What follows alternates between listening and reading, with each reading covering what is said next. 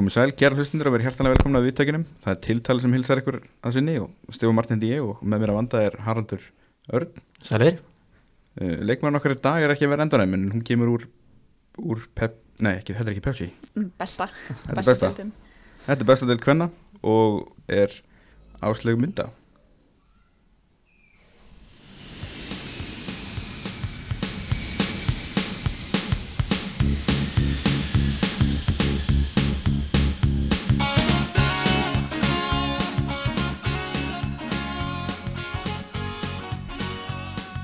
Það ég lifi í vonni Já. í stjórninni. Ektalag, mjög gott lag Svol, svolítið old school val Já, ég, ég fæ að heyra það mjög oft mm. en bara stjórnin og Sigga Bindins eru bara of góð til að ekki hlusta á það sko. Já, svona old soul ég er smá Já, þó ég, ég segja það sjálf en ég fæ að heyra það mjög oft og ég reyna alltaf að neyta því en, en ég held að ég sé farin að sætta mig við það já, já Bara fann að ta taka þessu bara. Já, Já, herruðu, þá byrjum við bara frá byrjun. Bara hvað er fullt nafn? Áslumynda Gunnlaugsdóttir Eh, Ertu með eitthvað gælunafn? Nei, ég sko er bara alveg upp við það að er alltaf bara sögð þannig að, Alltaf bara áslu mynda? já, Já. Og þannig það er mjög mikið í fótboltanum að Er það? Já, Já, en það er óalgengt það er mjög nafn mm -hmm. Vistu hvað hvaðan það kemur? uh, Sko, sýsti mömmu heitir Sigrun Munda þannig ég er skýrð í höfu á henni en á undan því var það held ég bara eitthvað svona þú veist, ég veit það ekki alveg Sigmundur eða eitthvað og síðan, æ, ég mann það ekki alveg en já, Já, já, Já, ég minna að þú veist. Er þetta eitthvað svona sem að mun síðan, fara niður um fleiri kynsluður?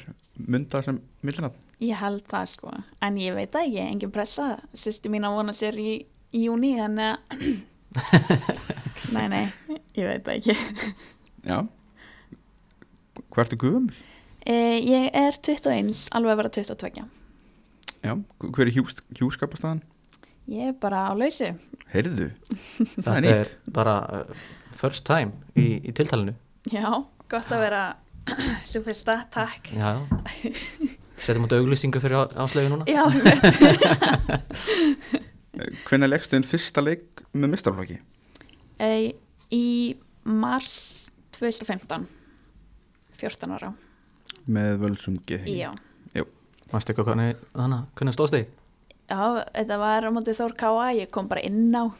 E, ég gerði ekki mikið en við unnum 1-0 þannig að Ok, völsungar vinna Þór Káa Það er good old days. Já, Já. Hver er svona uppbólstrykkur? Sko, ég er búin að vera að hugsa þetta svolítið en ég myndi eiginlega bara segja ískalt vatn á heitum degi eða eftir erfiða æfingu. Já, það er heiðalegt mm -hmm. Bara já Er þetta ekkert áfengt? Nei, ég drekk ekki. Nei, ok. Ekki svo leiðis ekki Já. mikið í góðsina heldur þannig að ég frekar leiðileg þegar kemur að matabúðum þá bara vatn sko. Já, eða, eða bara einfalt Já. Ég meina það er allir með vatn það er rétt, það er rétt Já. Uh, uppáhalds matsölustæður? sko, ég myndi segja hana Nöstið á Húsavík var minn uppáhaldstaður en ég held hann sé ekki lengur þannig að ég ég fór á apotekki um daginn neyri bæ, Já, það var gott. Ég segi hann bara. Farið þið ekkert eitthvað hana saman á einhverja fyrir leiki eða eitthvað? Um, Jú, við fórum síndum að EXO og eitthvað svoleiðis. Hann, ég reyndar alveg er þar líka, ég fekk mér fæmið síndum á leikdegi eða degi fyrir leik á EXO Já, Mm. svo ekki ekki sko. Já, Inferno pítsan sko, kleiku ég hef aldrei smakkað hana. Nei, ok. Fórum alltaf grammidispilsina, Já, hún er góð. Uh, hvernig bíl ert á? Ég á engan bíl sko.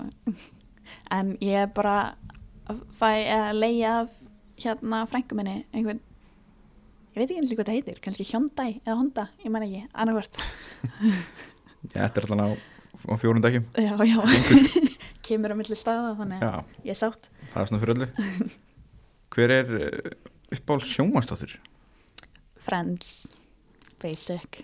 Já, já, nei, margir sem það, það er líka Já, ég, meina, ég er svona ánægð með það þú veist, ég vil eitthvað frend svona með svona, hvað sé, ég, svona kannski aðeins eldri kynnslóni Er ég komin aftur þanga? þannig að ég er mjög ánægð með það. Já, Já, ég mun- Ég er mikill frensmaður sko. Já, Já, ég meina, þú veist. Geggja Ertu ekkert mikið að horfa stúkuna? Jú, ég er svona fylgir það eitthvað með þessu en, en þú veist, þegar ég er úti ég er eins og, það er allavega að tala um þessa afturaldingu þætti og eitthvað, ég bara er ekkert inni í þessu lengur, Áttu allt inni? Ég á allt inni. Ég á líka, ég er alveg með lista af dóti sem ég ætla að bæða að lesa og horfa á eftir sko, ég væri búin í skólanum en ég er ekki eins og byrjuð að horfa á neitt. Nei, þekki þetta maður þannig að maður búin að setja alltaf svona watchlist og og svo enda maður bara á því að horfa á sama gamla frends Já. hérna. sammála Láta bara rúla, Já. þægilegt Heru, Hver er uppáhalds tónlistamæður? Sigga Bintens Og stjórnin bara já, Já, en svona, ertu með eitthvað svona e- ekki innlendan? Eða ertu svona, Erlendan þá já, Mm. meira kannski, meira kannski bara svo innlenda Þetta var mjög skrítin leið á að segja erlendan Ertu með einhvern ekki innlendan? sko Já. veist, ég er bítlakona. Ok, en það er náttúrulega kannski líka fyrir mína tíð. En ef ég ætla að segja einhvern á sem, sem er á, ásættanlegt fyrir mig að segja þá er það bara Bruna Mars eða eitthvað. Ég myndi nú að segja bílanu vera ásættilegt fyrir hvernig sem Já, er sko. ég, mynd, ég myndi líka segja það. Hver er uppáhalds bítillin? John Lennon eða Paul McCartney Já, annarkvort já. Heru, Uppáhalds hlaðvarp sko, ég er ekki mikið í hlaðvörpunum en ég hlusta mjög mikið á bækur. Já, en ef ég á að segja eitthvað hlaðvarp þá er það bara hana Snorri Björns. Mér finnst það mjög áhugavert sem er búin að læra bara mjög mikið af, af þeim sko. Mm. Já. Hvaða bækur er svona mest að hlusta? Ég er svolítið í annarkort svona sem að tengist neuroscience. Ok eða thriller eða svona criminal Er sem það að spenna þá á íslensku ensku? bara bæði, sikt og hvað, en aðlega ansku Já, ég myndi ég hlusta mikið á bækur líka Já. en þetta er þannig að þetta stendur mér svona svaka grifjur af þú veist hérna biografís af, af hérna knatspinnumönnum eða Já. þjálfurum eða eitthvað Ég er mitt bara í ykkur svona æfisögum okkur dóti sko. Ertu einmitt. ekki, til því að Jú, ég hef eitthvað lesið af því en, en ja, hlustað Já, bara eitthvað sem að svona ég veit ekki af hverju ég, ég gerði mér það en mér datt inn í Ian Holloway bókina Ó, ég hef ekki byrjað á henni Nei, ég, Hann er mjög karakter Já. Ég, ég skilði það hún var samt ekkert spes sko þessi bók sko. Já, já Já. Hver er fyndnasti íslendingurinn?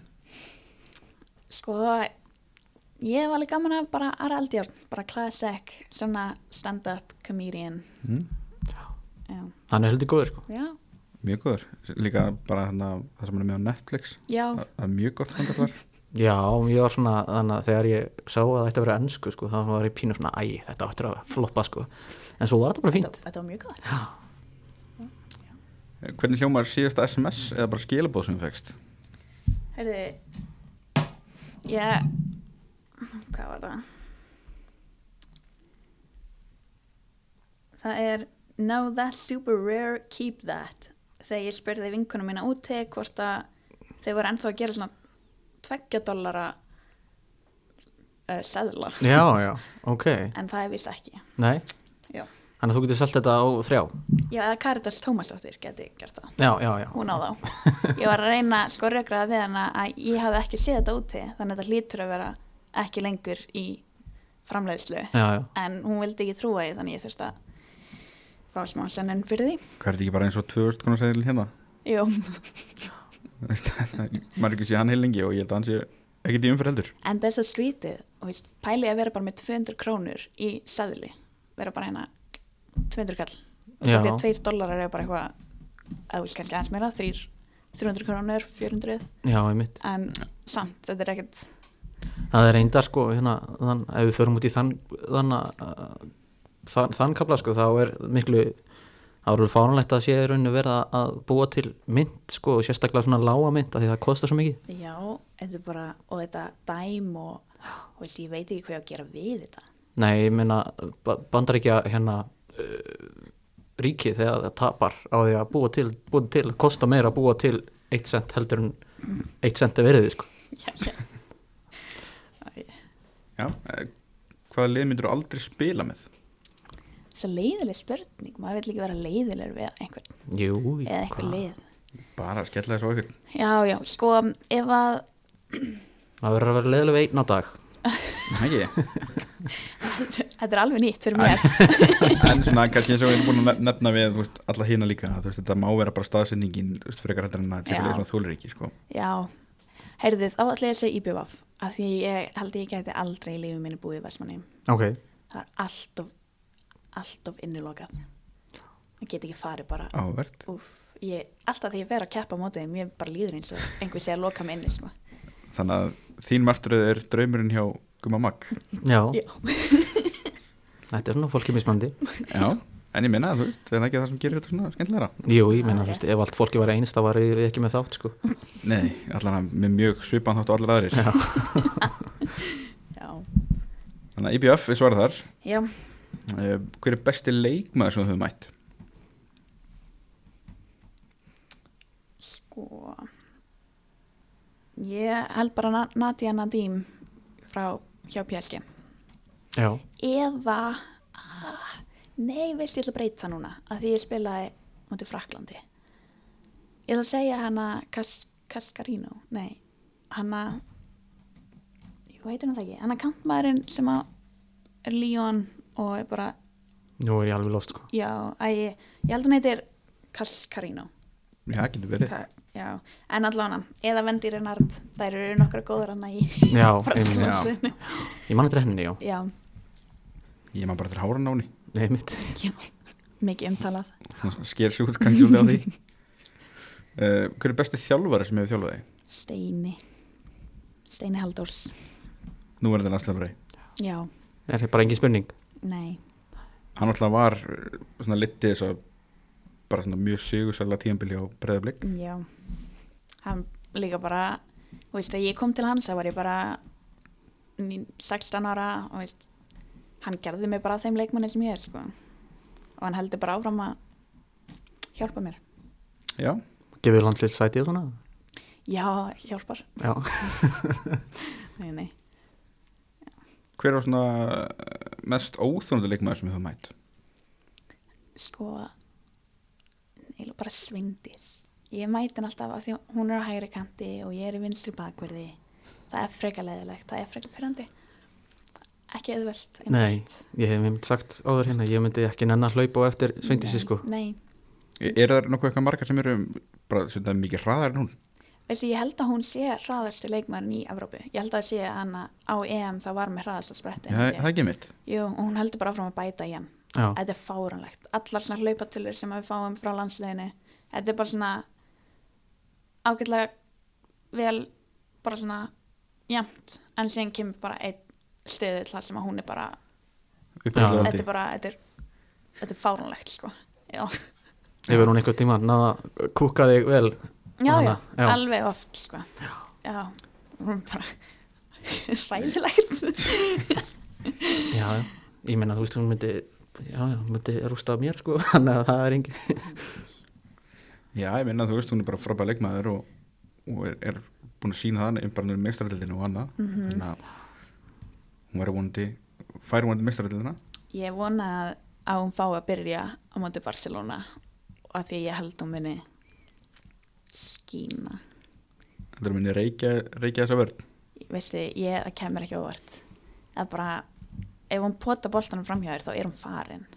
Þetta er bara svo Gareth Bale hérna upp á sitt besta. Þetta er Já. bara hérna Fyrir mín útíman, þetta er bara okkar eh, hérna í landsliðinu Mikael og Múdrik Ég er bara Kylian Mbappé. Það er ekki svona svipað. Jú, algjörlega.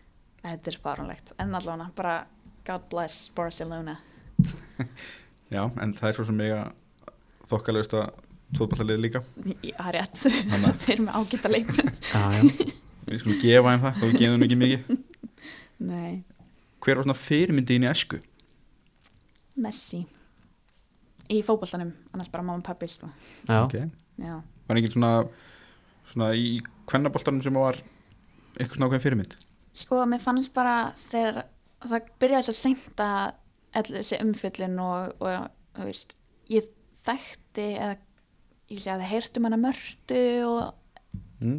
hana Mía Ham Mm. og eitthvað svona en ekki nógu mikið til þess að maður gæti svona verið að fylgja þeim alltaf og sem er óslega leiðilegt en sem betur fyrir það búið að breytast núna þannig að en annars var ég bara obsessed af Messi sko já, vorum mikið að Barcelona já, ég er fan af Barcelona þannig að Mm. Já, nei, ég minna, þú veist, það er náttúrulega bara Er það ekki bara rétt svar? Jó, ég ætla það ekki. Og síðan náttúrulega eða kannski hérna heima náttúrulega Sarabjörg og Já. Margrét Lóra Já, sko, náttúrulega í landsleginu þá, jú, jú, að sjálfsagði fylgdist maður vel með þar. Og þá myndi ég segja Margrét Lára. Og ég hef líka svona verið haldið sem sambandi við hana því að hún er bara, hún er gull, hún er frábær. Hún hefur hjálpað mér bara með mjög margt. En já, bara og síðan líka bara algjör marka maskina hvað var ekki einhver, eitthvað tímabilina sem hún var með 30 okkur mörg eða, Jú, jú, og þetta var fáranlegt það er líka sko þetta var orðið það mikið á tíðanbili að sko til að stoppa hún fengi ekki sko besti leikmann okkar þá var sko búið að rotta sér saman og kjósa hana Já, ekki þ- það er náttúrulega bara hún er miklu betra skilja en það sko. Já. en þetta er svona kannski já, við höfum síkið í sinni vestu mynd. Æ, 100% Já, kannski bara hana líka, þú veist uh, á sínum tíma þegar Messi og Ronaldo var alltaf að vinna ballandur, þá var svona þeir sem var í þriðja sæti, það var það sem var áhugavert sko. Já, þetta er svona, svolítið þannig kannski einmitt. Já, Já, hver er svona sætasti sigurinn á ferlinn til þessa? til þessa ég myndi eiginlega segja undanúrsliðið í byggar hann að 2001 þegar við kjáftum út í val og þetta var hann að mark, mark, mark og síðan skoraði ég á bara síðustu myndinni og við komumst áfram. Ég held að það sé svona sem situr í mér eða svona Já, ég falla, setur fallega í mér. Mm. get alveg ímyndið mér að það sé alveg þokkalega sætu sigur þegar þú kemur með eitthvað leitvinni sko. Já, líka svona stórun leik. Já, tala ekki um með að tryggið þið áfram í ykkur byggarúslit sko. Alveg sjaldan sem að maður er það ofalega á vellinum að maður getur kannski sett hann inn sko en já, hann þetta var ekstra sætt Ok, en, svona þá mestu vombriðin á ferlinn til þessa? Já, ég held að það verði að vera á móti Portugal núna í oktober síðastlegin Já, Náttúrulega varst uh, lendir í svona, svona umdildu atviki þar þar sem fara rautt spjald. Mm og svona já, gerði svona, já gerði okkur ekki auðveldara fyrir allavega. Nei, það er rétt. Hvað fannst þér um þetta? Um hennan dóm? Sko, ég náttúrulega bara frá mínu bara persónulega og þá myndi ég aldrei reyna að fella einhvern leikmann eða eitthvað viljandi. Uh, frá mína sjónarhóðni sem var nokkuð nálægt þessu þá var þetta bara, veist, ég var að hlaupa hana fyrir aftan hana og við svona klöfsum saman einhvern veginn og þú veist, ég dettil á undan og síðan dettil hún og veist, ég var bara, þetta er líka fyrsta broti mitt innan gæsalappa Mhm.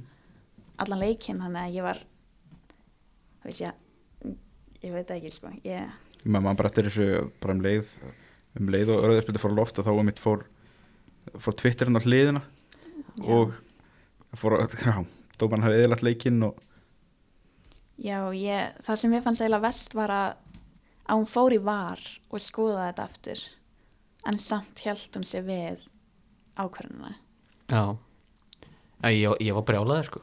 Já, þetta var svona svekkjandi og, og svona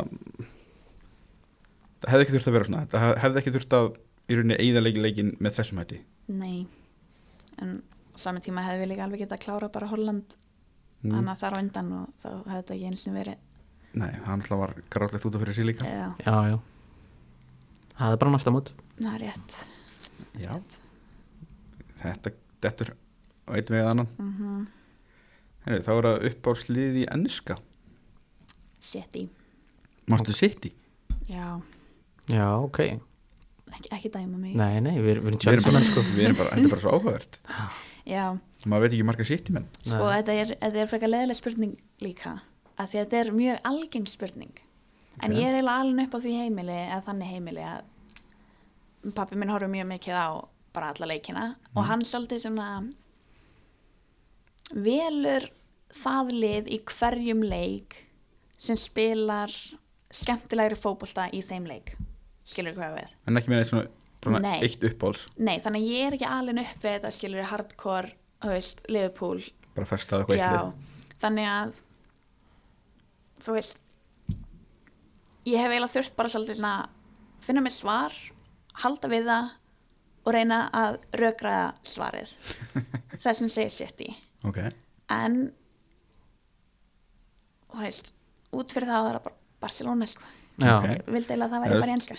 Já. ég, ég tengi svona nokkuð nefnir þetta bara Já. íslensku boltanum, ég er náttúrulega grjótari njarvíkingur og við náttúrulega eigum ekki liðið á stöld ennþá, já, þannig að þú veist á hver einu tímbili þá viljum við bara sér eitthvað lið sem mann finnst spila skemmtilegast og, og svona, á, á, eða svona svona uppáhaldsliðið á stöld nei, emitt, af hverju þarf maður að halda með ykkur ákunum ég tengi ekki neitt við þetta sko, ég er bara, þú veist, ég er bara káa sko og, og Þórum á bara, þú veist, fara til einhvers og, og svo var ég Chelsea og, og Tottenham að bara fara einhvert og Já, ég er náttúrulega, já, grjótari tjálsum að líka en, en þú veist náttúrulega sem stundismenn njarvíkur og ég held að besti árangur okkar er sko sjötta sæti í fyrst stöld þannig að við erum aldrei nálægt þessu.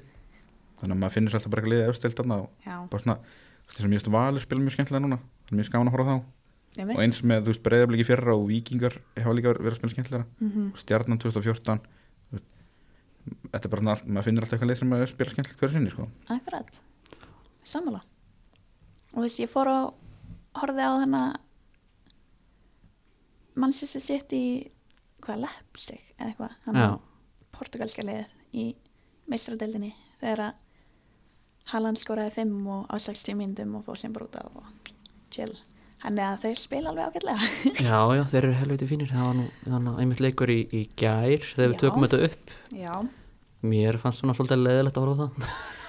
Já, þannig að það var svona eins og horfa á mistraflokka að spila á mútið sjöndaflokki sko. Sem er galið að segja þannig móturinn Real Madrid. Einmitt, uh, enda mætti líka Gulli Gull í að því að hann var að þjálfa markverðin okkar núna hérna í morgun hann mætti í sko mannsætti sett í búning alveg og bara með húfuna. Hvort hann hafi verið með trefi líka? En ég manna það ekki alveg, en hann var bara í fullum skrúðum. Já, já. Ánægð Og ég var mann svona- ok, ég veit hver vann. En, já, já, býð bara Lukaku kúkar á hérna í, í usluleikin leiði mér að efast. Já, en þannig að það reynir bara bóttumlegin er að bara í svona erlendum fótbolta þá er Barcelona þillið já. Eh, ef þú fengir að velja eitt leikmann og öðru íslensku liði til að koma í breðablík hvernig myndir þú velja? Gunni ég reynda, reynda að fá hana. Eða ég er svona það kom hana kom frétt á fótbolti.net að hún væri á leiðinni til Íslands en viss, við vissum ekki þá hvaða leið hún væri að fara. Og ég sendi á hana bara þetta kom í grænt? En því meður því meður sagði hún að hún myndi líklega aldrei spila í grænu. Já, þó sem hún myndi gera mjög margt fyrir mig en þá er þetta frekar of mikið spurt. Já, þannig að en ég myndi alveg vilja fá hana í breðblik Já. Ég meina að þú veist. Þegar er, hún er ekki, ekki, ekki slæmur slæm viðbútt sko. Hún er algjör vél. Hún er bara vinnusamasti maður eða leikmaður sem að ég þekki að bara, og það sýnir líka bara algjör karakter og það gaman að vera í kringum hana. Hm? var hún ekki skoðan núna? Jú, hún er búin að skora held ég síðan Bara- tveimur leikjum eða eitthvað. Já, getur passað.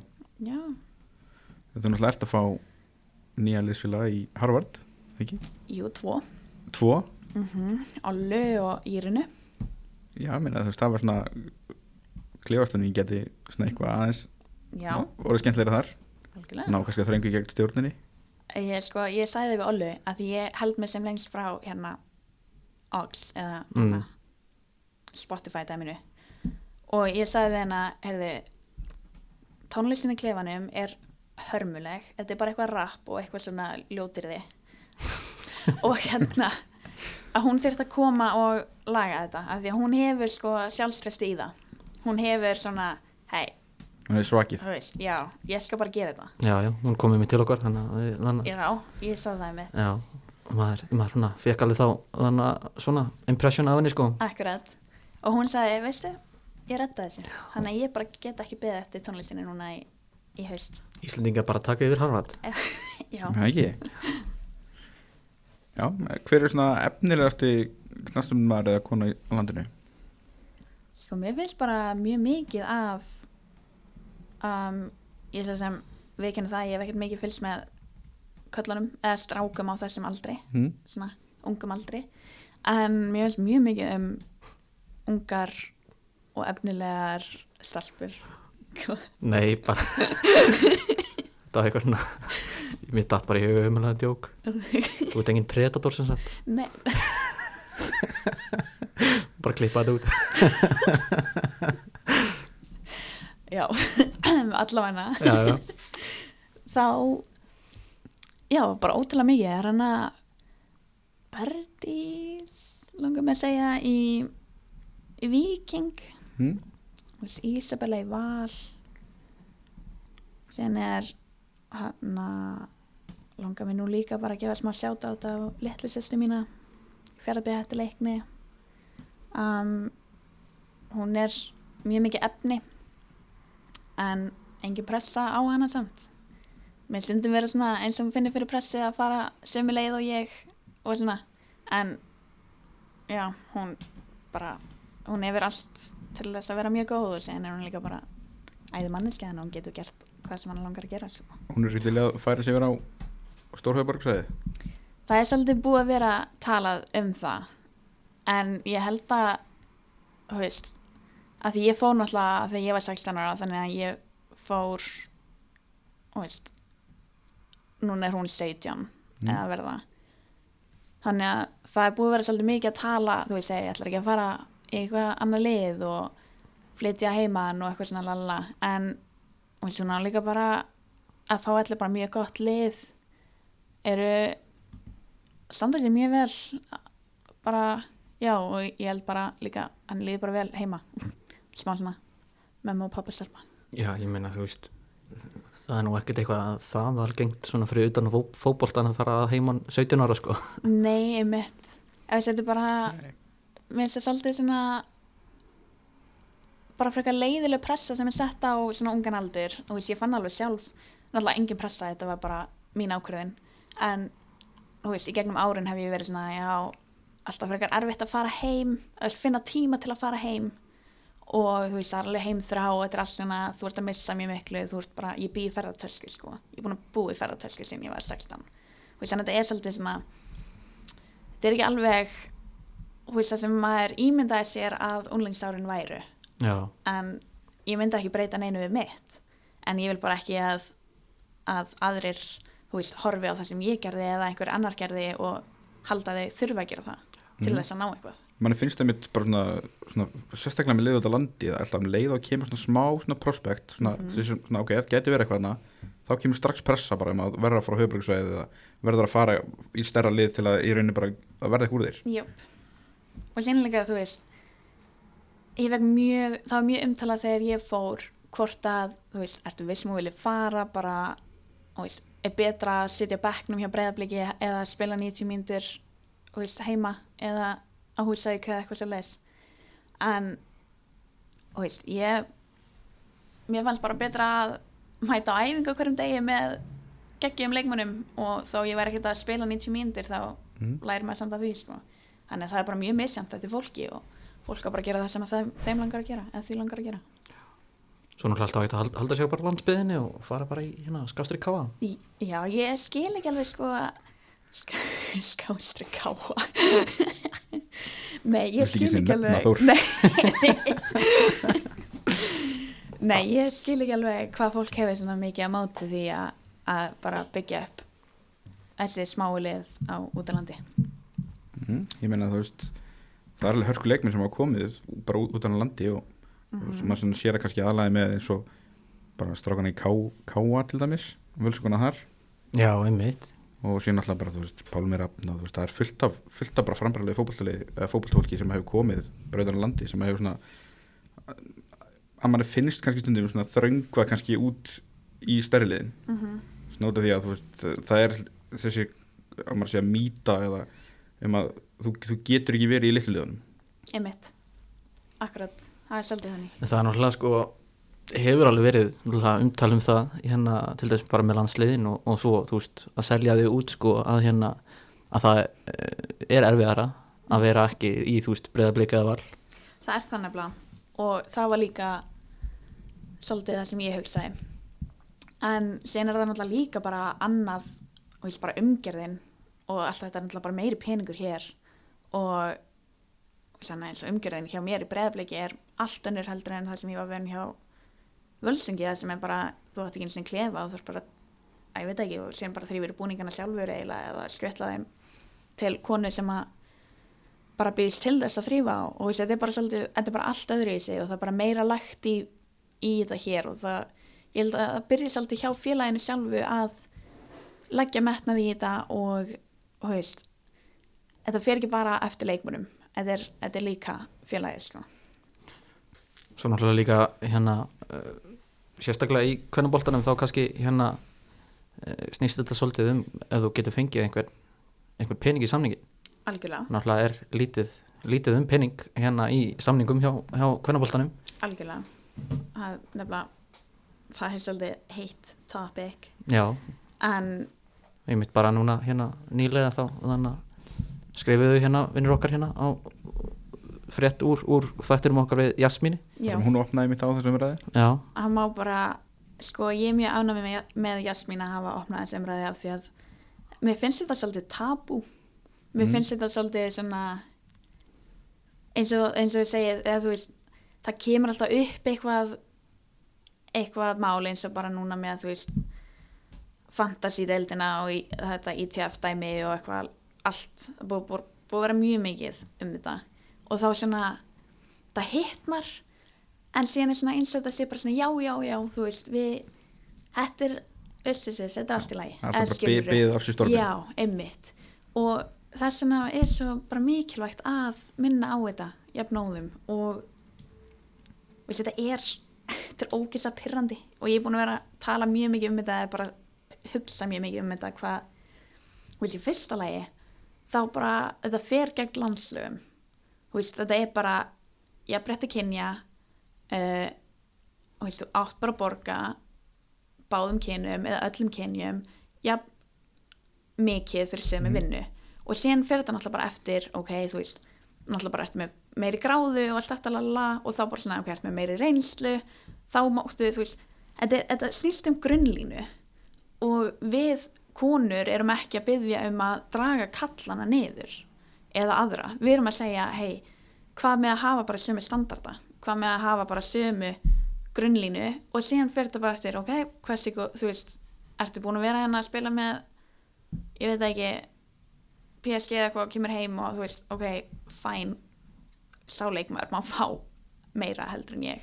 En leikmaður sem að er kannski að spila með meistarflokki kalla breyðabliks bara til dæmis og er ekki eins og í hópi hjá þeim er að fá svo þrefalt, fjórfalt meira heldur en leikmaður hjá breyðabliki sem hefur verið að spila bara í aðalhlutverki jafnvel bara í alansleginu og er bara, þú veist, á, átti bara á í erfiðleikum með að fá bara eitthvað bara svo lítið sem bara þannig til að fá að lifa á því eða þú veist ekki einu sinni það mm.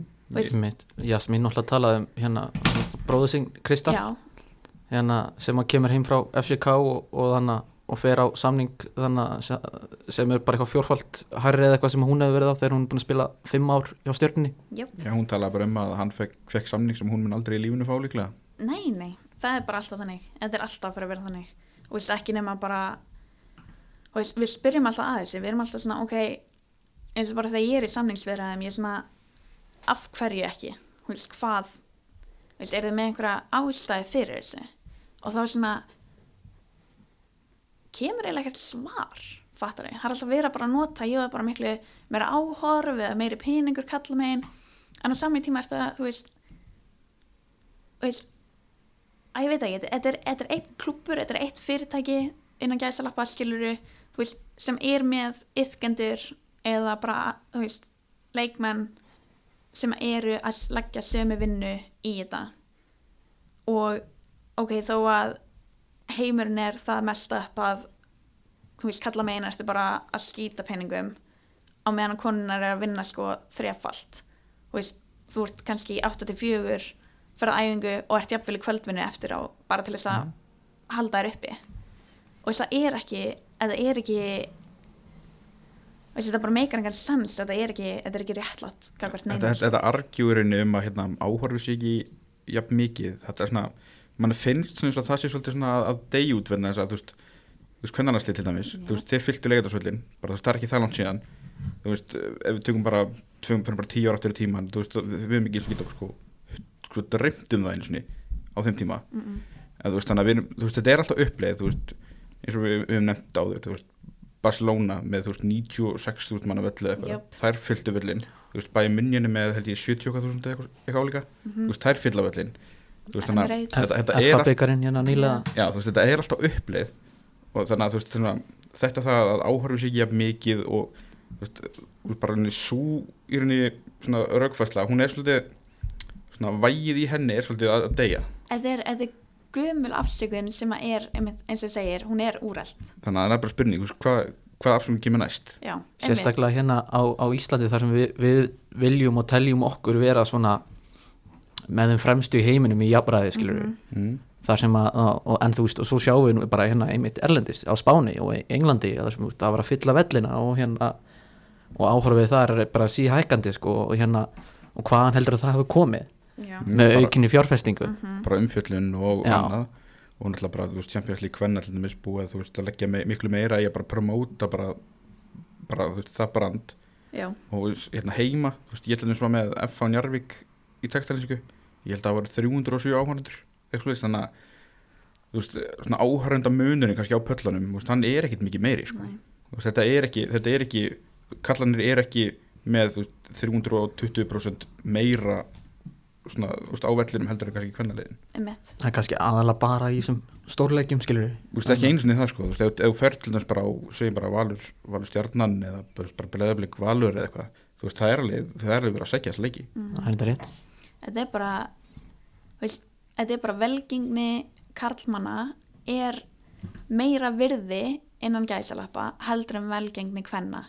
Veist, það er bara þannig samkvæmt sögunni að þá er bara þetta hugarfar ennþá í öllum og þú veist koman það 2023, við erum ekki ennþá að konur eru bara heima að sópa á menn kallanir vinna, skilur þetta er, þú veist, þetta er bara mjög kent að bara í skólanum núna í haust eða vor að, þú veist, ég ef ég myndi fá útskrifast úr Harvard með gráðu og kall myndi útskrifast úr Harvard með sömu gráðu ég, við myndum fara inn á sama uh, vinnustað og gera nákvæmlega sama.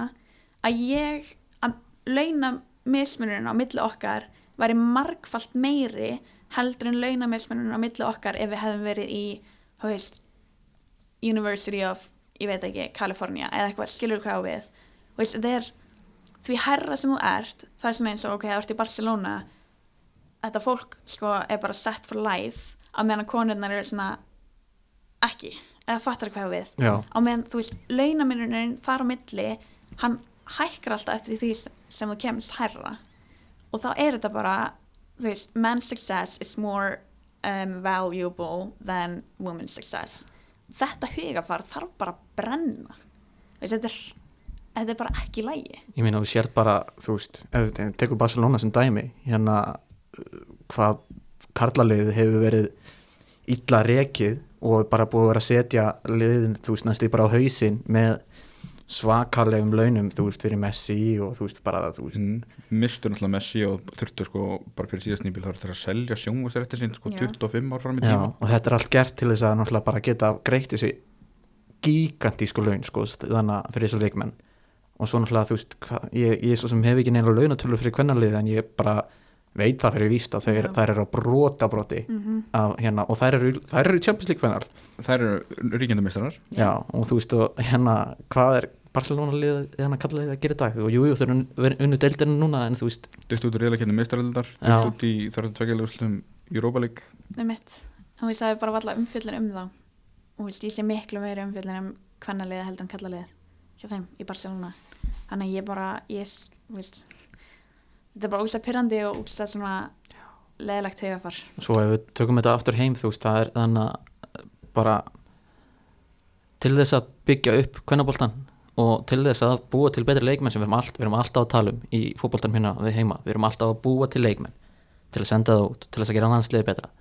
Það tala um græsrótuna já, Mhm. þú veist og það er náttúrulega er, fer, það er frekar augljóst að ef þú ert með leikmenn, jafnvel þína bestu leikmenn bestu ungu leikmenn ef þú ert að láta þá vera í fullu starfi við fótboltan pluss fullu starfi annar staðar Já. og jafnvel í námi líka mm. það er náttúrulega bara gengur ekki þetta, er nefnilega að þú nærið aldrei sko hérna er þetta bara ok, þú ert að vinna 8-4 þú getur aldrei lagt jafn mikið á þig á æfingu eða bara, þú veist gefið jafn mik- mikla orku í æfinguna af því að þú ert bara búin að vera á fullu frá klukkan 8 og veist, á, þegar ég fór á reynslu hjá PSG þá fórum við á æfingu veist, um morgunin ógæðislega erfið æfing erfiðast æfing sem ég fara í lífinu. Ég hefði aldrei getað fara á þessa æfingu eftir að vera búin að vinna 8-4 sem bara hefur fólk tíma yfir daginn til að bara recovera bara borða vel veist, allt þetta og mæta sérna æfingu daginn eftir eða jafnvel setnupartin bara til að gera það sama. Og þetta myndi aldrei virka ef að leikmenn væri 8-4 eða þú veist í skóla sem þú veist, bara ég ég er í skóla, fyrir beint æfingu kem beint heim, læri klukkan er margt þú veist, er ég búin að borða, allt þetta skilur við þetta er bara, þetta er þetta er miklu meira heldur en fólk heldur sko. já, ég menna knattspilna á hæsta leveli er full vinna, já, þú veist það er bara þannig Jú, við sjáum til þess bara hérna allan hérna heima svona allan að kalla megin, þá er þetta svona þetta er byrjið að færast í þá átt að þú getur verið bara full time í því. En þá er bara spurning, hvinnar kemur þetta hvenna megin mm Já, allavega þú veist að, að þannig að ég meina í, í kallaboltanum þá eru margir sem að hérna vinna með sko. En þú veist það er náttúrulega eins og við tölum talað um þá er það oft bara til þess að fá en þá er laun sko. Já, eða bara hafa eitthvað að gera eftir æfingar. Já, já, en þú veist, en þá geta þeir oft valið þannig að ég ætla að minka við mig í vinnunni. Já. ég ætla, ég ætla að fara í niður 50% af því að þeir geta það skilur já. Þú þarft þá líka að vera í þannig vinnu að þú einmitt, þú þau hafa skilning á því að þú þarft að fara á æfingu klukkan 11 eða skilur hvað á við. Já, já, þannig að þetta er svona já, minnar. Þetta er, já. Þetta er heitt tópik og ég hérna uh, ég, bara þörf umræða. Þetta er alveg klárlega. Og, hana, og ég er allavega á því að við, við ætlum að við ætlum að halda áfram að tala um þetta hérna sko. bara frábært. Alveg klárlega sko. kann bara við konum allar mjög mikið með þetta bara allir. En við þá, svona við vippum okkur aftur yfir í bara hinn hlýðar listan. Já, ég þarf að kæla mig niður. kannski e- eftir já, kannski já, eftir, eftir þetta þá hver er fallegast knaspinn var hann í Íslandi? Perfekt fyrir næsta spurning sko. um, ég held ég verður bara að segja Viktor Karl, já, hann er myndalur hann er, hann er vinsalt svar sko. hann er það, ég minna þú veist enda er það mögulega kannski bara rétt svar. Já, já, já, ég meina svona fyr- fyrsti, fyrsti kvennmann sem segir hann. Það er Já. kannski svona já það hafa líka alltaf verið á föstu hingað til. já, já, það Já, er það er rétt. já, það er alltaf verið svona mjög mjög svona kemur alltaf svona, ó þeir eru allir mjög margir. Já. Eða kannski erum við með kalli í einhverju liði sko. Ah, rétt. já, nei, nei. Heru, hver er þá fallegast knaspinnu konun á Íslandi? Já, kannski umorða þetta, bara myndalegasta myndalegasta knaspinu konan á Íslandi. Sem spilar á Íslandi eða Íslands já, bara, má vera, já, má vera íslensk bara. Ok, þá ætlum ég að segja um, Heiðdís Liljar. Já, mm, hún er bara mjög myndaleg já, en það eigin staðbúi held að komið þaðan. Einmitt. Austuska blóðið já, það eru betri, betri þaðan. Já, Já. Nei. hver er uh, já, við kannski snertum að það. Besti knaspinnu mann að fara upp að í? Messi. Þetta er svona bara formsins vegna að við spyrjum. Já, já, þetta er bara var saman svarið. allir svarað eins nema Birnir Snær sko. Já, það er líka bara því að hann fór í mótþróa já, nokkvæmlega Hvað sagði hann? Ekki sagði hann Ronaldo Jú, hann, ætlaði að segja Messi Messi sko Á. en svo var ég að vera leðilega við hann og hann breytt hann, skipt hann að skoðun Já, já, já, já. uh, uh, uh, Hvað er við? Hérna er við uh, Besti knattspinnumann frá upphæði Nei, við vorum að því Íslenski því. knattspinnumann frá upphæði Besti íslenski knattspyrni bara, má, má vera bæði kalla Bæði. hvernig sko. þá ætlum ég bara að segja Margrét Lára Já, Margillara, Mhm. ég meina, þú veist þú markar ekkert en að bara, bara segja sína sögu. Ég meina það segir líka bara sitt til dæmis bara þegar ég var þannig að krakki, þú veist, í yngreflokkunum hérna, uh, þú veist, tvær stæstu stjörnunar fyrir mér íslenskar voru ábyggla Eður Smári og Margrét Lára. Mhm. og þú veist, og þá var hérna kvennaboltin ekkert mikið síndur og ekki ekki mikið áhorfskilur en ég var samt bara, Lára var bara það stóð stjarna að maður bara, manni fannst um geggið skilur emitt, emitt Hver er uh, mesti höstlerinn í liðinu? Ég held ég verið að segja Hafrún. Núna það sem hún er á lausi Já, hún er dögleg Já, Hún er, öflug neyri bæ og já. Þú ert ekkert að fylgja hennar spori? Ég, Já, ég held að seint mun ég fara niður í bæ. hún er ekki að draga þið með? Nei, ekki með, ekki, ferði ekki á átó og, og pandar hérna vatn, með klaka? Veistu, ég held að bara svona skemmtist að það er mér eitt að leiðilegast sem ég get hugsa mér. Sorry. Ég sé gera mjög margt annað. Já, já, En ég þarf að vera mjög miklu Ég þarf að vera í ákveðnu hugafari til þess að búin að vinna titilin svona? Já, Já, einmitt. Já, hver er uppáhald staðurinn á Íslandi? Öllsafjörður hjá ömmu. Já, það er Já. alltaf strax betra aldrei en sæbriðin Sæði einhver sæbreytin Olla sig Olla Nei Hvað er hann að gera á sæbreytinni? bara labba? sólseturið og... Svona, þetta, þetta höfuborgarlið, það er aldrei farið út fyrir. Nei, greinlega ekki. Að þú segir að sæbreytin sé Já, Jæja, veistu ég þarf að kenna henni aðeins. Já, já. Er það ekki, Já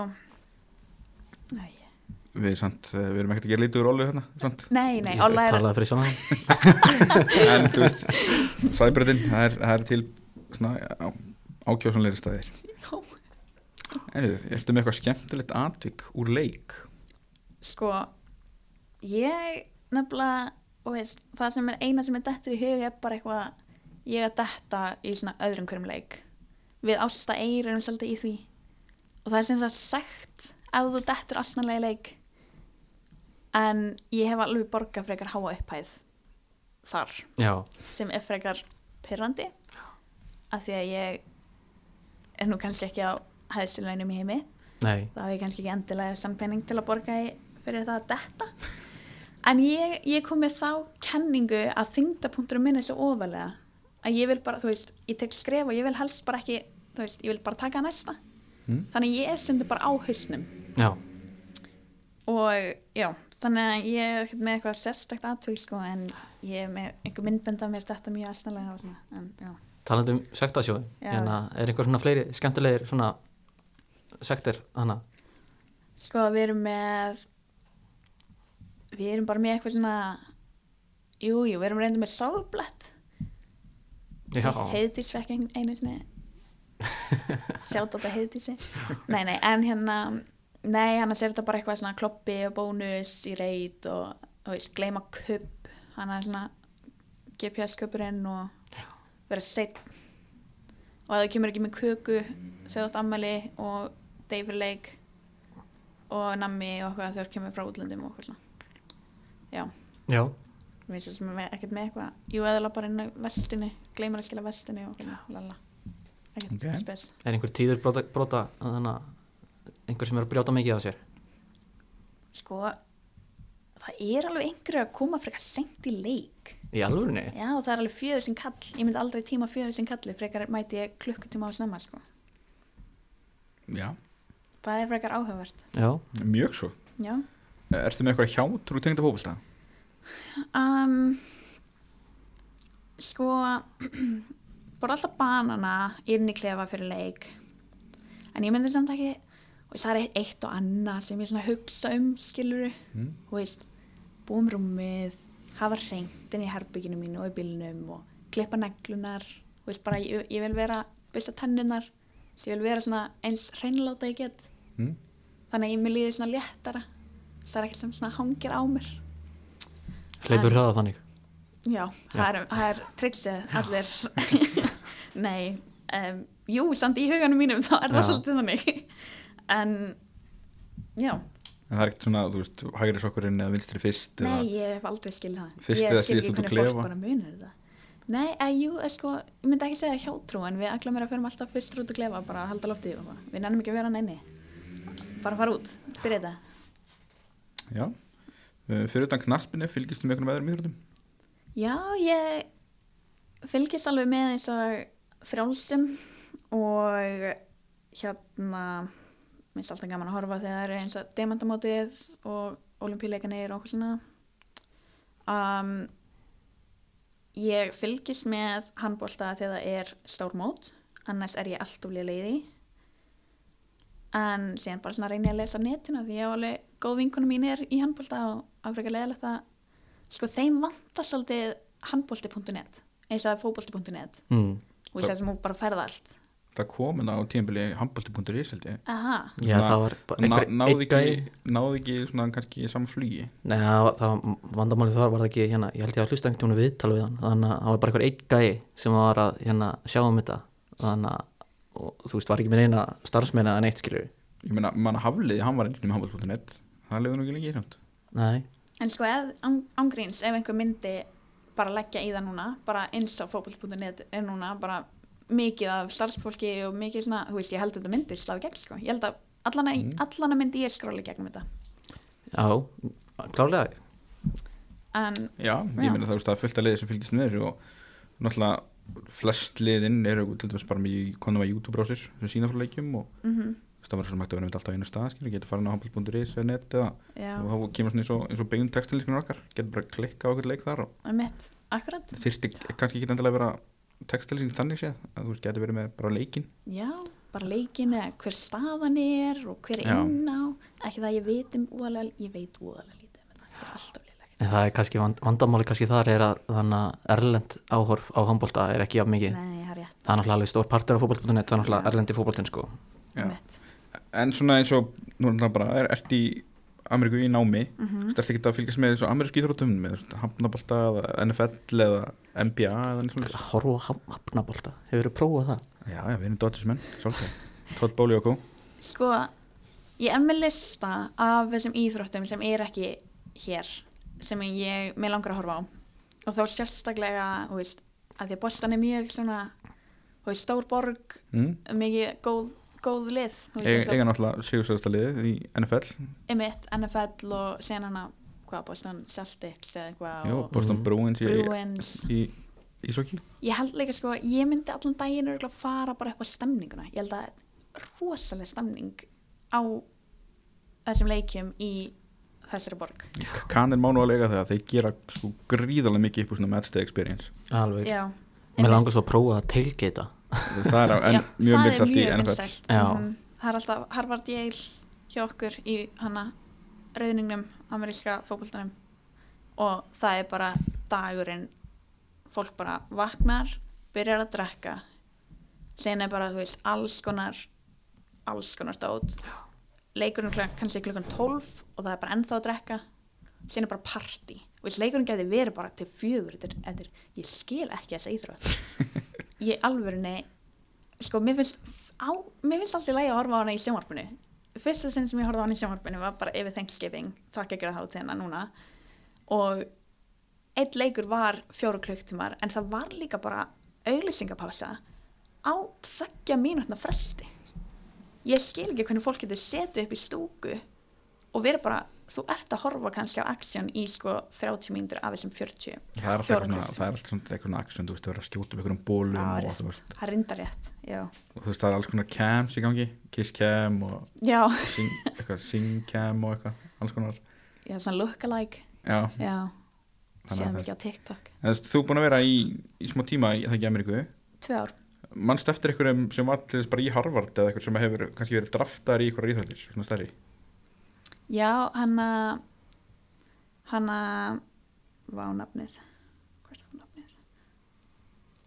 Um, Hvað íþrótt var það? hún, bara í fótboltanum hún var, hún útskræðast aldrei 2017 hann að vá, hún heitir 100% per, eða eitthvað pursued á Instagram. Hann að hún er í bandaríska alansinu og ég á að vita þetta. Vá, Já, ég meina þú veist Já, þetta en hún er svona eins og frægast að hana af þeim sko. Af því að fótboltalið okkar hana, hvað heitir þetta, reyðningsliðið er ekki spes. Nei, þannig að já, Nei. ég held að aðal aðteglin hjá bandaríkjamannum er í kringum það. Að þú ert með gott amerískt reyðningslið að þá ertu átti shit ná penning getur bara gefið öllum skólastyrk og þá ertu bara með bestu íþróttaliðin. Og það er all sinnaríkin þannig já, já. Að það er góð fótboltalið þar eða ameríska fótboltalið Já, það er ekki, þú veist, já, það og kröbolti og, Já, Jú. Já, svo er bara strákunir og fleiri sem að fara í dúkaskólan þú veist, þeir eru oft í einhverjum tímum bara með einhverjum NBA-stjörnum og Já, ég held að það sé meira sko að ég er kannski tími með einhverjum framtíðar Nobels verlunar heldur en íþróttar eða fattar hvað á við Já. og stundum er ég bara, það er einhver hérna að réttu pönd á alltaf. Og ég leik, þú þarft ekki réttu pönd. Þú ert að segja nákvæmlega sama og prófessorinn er að segja en þú ert bara svona smá off og ég er svona oh, hætti núna.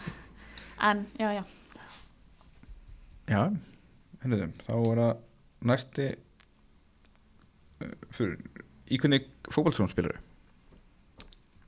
Ég er í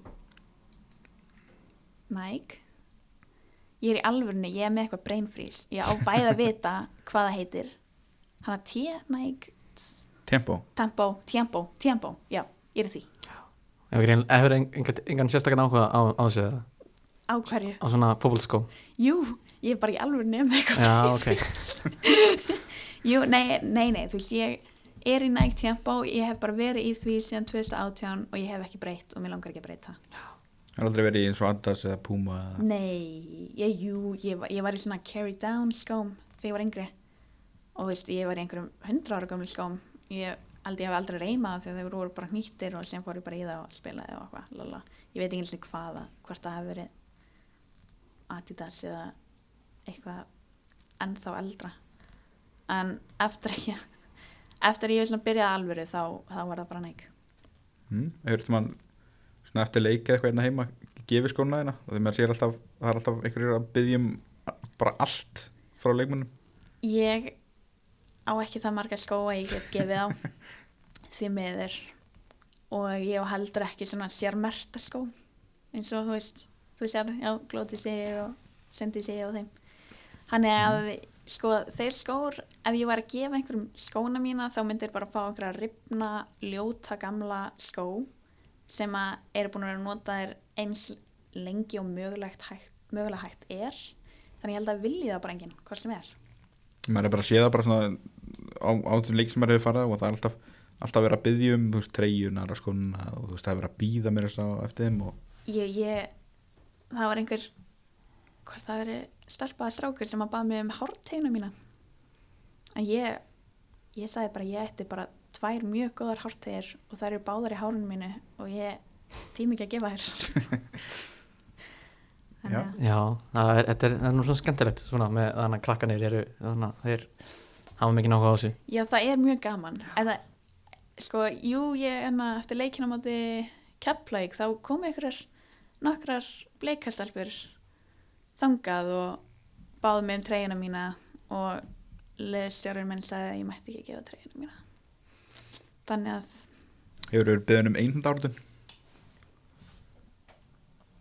bara í kringum þá svona þá er slandstekið og þannig. Mm. en ég hef, ein, ég hef einu sinni verið stoppið í smáralendinni og beðið mynd. Það er einu sinni sem það hefur gerst. Hvernig var það? það var mjög svona stórt moment fyrir mig. Held Já. ég örgulega meira heldur en stelpunar nei nei, ég, það var bara mjög gaman. Ég er alltaf til í eitthvað ef fólk vil spjallega high five sko. ég er mikið high five. Mm. ég er ná fyrir ekki að ég má ekki gefa þér treyjunum mína en ég skal knúsa þig. Já, ég er þar. Það er heldur gott sko. En svona núna þú sem bara Harvard nefandi uh, hver ert, ertu eða varstu lélugust í skóla? Maður tengir sko Harvard við eitthvað að dugsa Já. Um,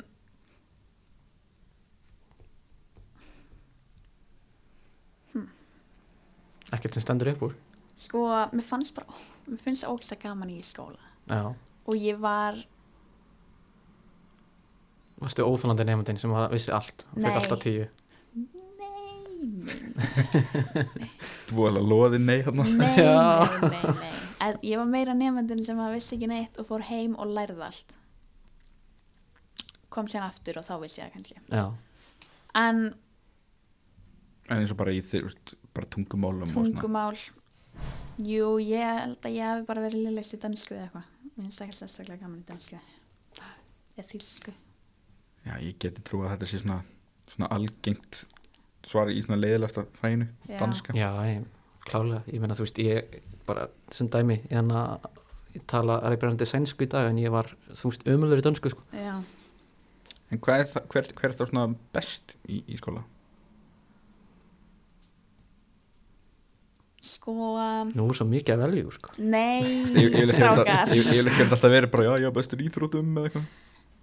Ég var eiginlega ekkert Mér fannst íþróttir eiginlega bara ekki það spennandi. Nei, Ég var alltaf, var alltaf eins og þegar ég var á Húsavík þá vorum alltaf í hana, hvað heitir það, skotbolti. Mm, og þetta er bara strákar með alltaf mikið keppniskap og lúðra í þig. Og ég er bara hei sko ég kann ekki að kasta bolta. Óþarfi að skjóta mig niður. Þannig að þetta var svolítið svona jú, mjög gaman en ekki það skemmtilega sem ég gerði. En ég held að ég verði bara að segja þú veist, ég elska íslensku. Ég er mjög, finnst mjög gaman í íslensku. Mm.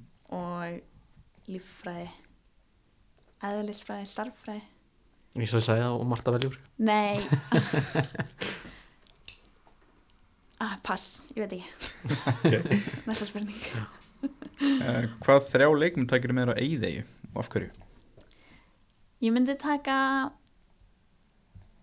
Kari Karitas hún myndi heist, hún er svo úrraðagóð hún myndi byggja hús eða eitthvað bara upp úr einhverju.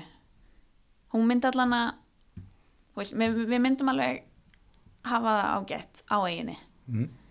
Uh, ég myndi taka Telmu Ívars af því að hún er mesti bara sko hún er hún er ótrúlega fyndin bara það sem hún gerir. Hún er svona ekki að reyna en hún er bara já, mér sem ég fyndin. Hún er mjög svona það væri stuð og það væri stemning og hún er líka alveg með svona góða hún er, hún leynir á sér svona með hugmyndir og allt þetta. Hún er, hún er klár. Og síðan myndi ég taka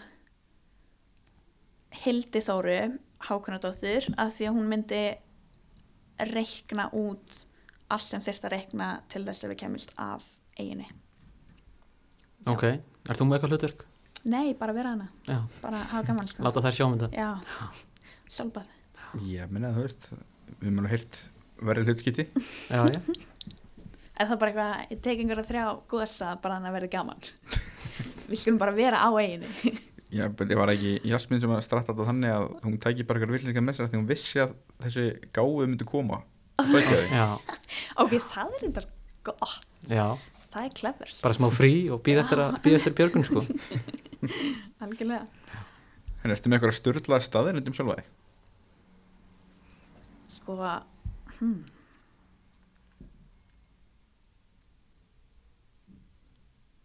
Ég kann að leysa já, Loksins kemur ykkur Ég er alltaf, alltaf ég veit ekki alltaf, þú veist, getur þú leikst Rubik's Cube á, þú veist, mínútu eða eitthvað? Ég held ekki á mínútu, nei. En, þú veist, ég er ekkert eitthvað klukkutíma að því. Ég er kannski svona þrjár, tvær. Já, ég, ég, ég hef, er, hef ekki hugmyndu hvernig á að gera það þannig að þú veist, það er bara það er mjög gott sko. Ég heyri þetta, maður þarf að finna gul hlýðinu þú veist, þá er svona til góða þetta. Aha, Ég veit ekkert um Jú, það er eitthvað rétt. Nei, hvítalega fyrst hjá mér allan En eina sem ég veit ekki, ég er auðvitað alltaf meira heldur en við að reyna að leysa hann heldur en að leysa hann, sko. Já, ég, ég held ég gera hann bara verri sko. Já. Hvað samherji hefur komið mest á óvart eftir að kynntist hann af hverju? örgulega Agla Marja um, áður en ég kynnti senni þá var þetta örgulega bara svona fannst þetta svolítið svona ókveikjandi um, að það eirt mjög mikið svona og þú veist er hún ekki ótrúlega, ég veit ekki, bara leiðileg og við vorum að tala um þetta um daginn af því að hún færi það líka. Bara, ég held að þú væri óslega leiðileg óslega skemmtilegt. En allavega um, en hún er svo langt frá því að vera eitthvað leiðileg eða hörð eða neitt þannig hún er bara algjört gull. Við erum herbyggisfélagar í landsliðinu og því smæstrádeldinu og eitthvað. Og hún er bara við erum líka bara á svo svipuðu svona leveli eða svona, þú veist. Hvaðan heldur þetta að komi? Hún sé, að, þannig að fólk halda hann sér leðileg ég veit það ekki. Sko við vorum með Gumma Magg hjá okkur. Og hann er mitt, var með svipaðsögu þú veist, Ok. það haldur allir hans í leðilegur og hann heldur að sé að því hann er með resting bitch face. Á, mér finnst samt að glómar alltaf eitthvað svo brósmild Já, en það getur bara verið að hún er bara eins og þegar hún var yngri hvað, hún spilaði heldur með breyðabliki ég held að hún hafa alltaf verið smá svona yfirbyrða og þá kannski svona að ég veit ekki, hún kannski svona væri þá ekki teamplayer og þú veist, væri bara svolítið svona. Mm, en kannski virkar hann bara svona of einbytt hún er nefnilega mjög einbeitt og hún er mjög, mjög svona þú veist, ég ætla þangað og enda var hún líka að klára bara með masterskrána sína, hún er þú veist 99 mótil mm. og í sko viðskiptafræði og eitthvað markaðs, nei hvað heitir þetta? Eitthvað stjórnunarstæmi, ég veit ekki eins og þetta er bara bara veist, hrósa hana sko. Já, Já, bara klálega uh, Hver er lögstu síðast? eða kannski bara einhver skemmtileg lígi sem maður þetta ég er ekkert mikill legar, ég er mjög svona ég er mjög svona ég fæ svo vond í hjartað. En ætla það hafi ekki bara verið eitthvað já, já, þú veist, ég er bara góð. Já, já, þú veist, alltaf það dæmi. Einmitt. Líka mann er bara perfect, fullkomið standi. Já uh, aðeins um það er mér þá bara hvað finnst þið leiðast að gera á æfingu? ég myndi segja að færa mörkin. Já, en ég hef örugglega verið að gera það að því ég er einmitt þessi manneskja sem er svona og það var að vera að byggja okkur um eitthvað og þá svona fer ég í það. Fattaru? þannig að ég lifti þessi bjöfítans marki oft á æfingu. Allt og oft. Já, ég þarf að fara, heyrðu, kjúlar. Einmitt. Þú ert ekkert yngslengur nei, og það var að segja, segja kjúklinguna til. Jöps uh, ef þú fengir eina spurningu til að spyrja hvert sem er hver er þið spurningin og hverju myndur spyrja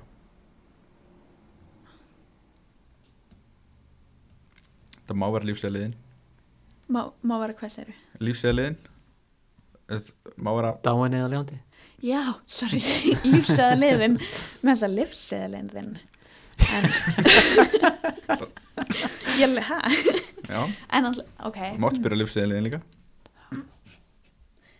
Lífsæðaliðin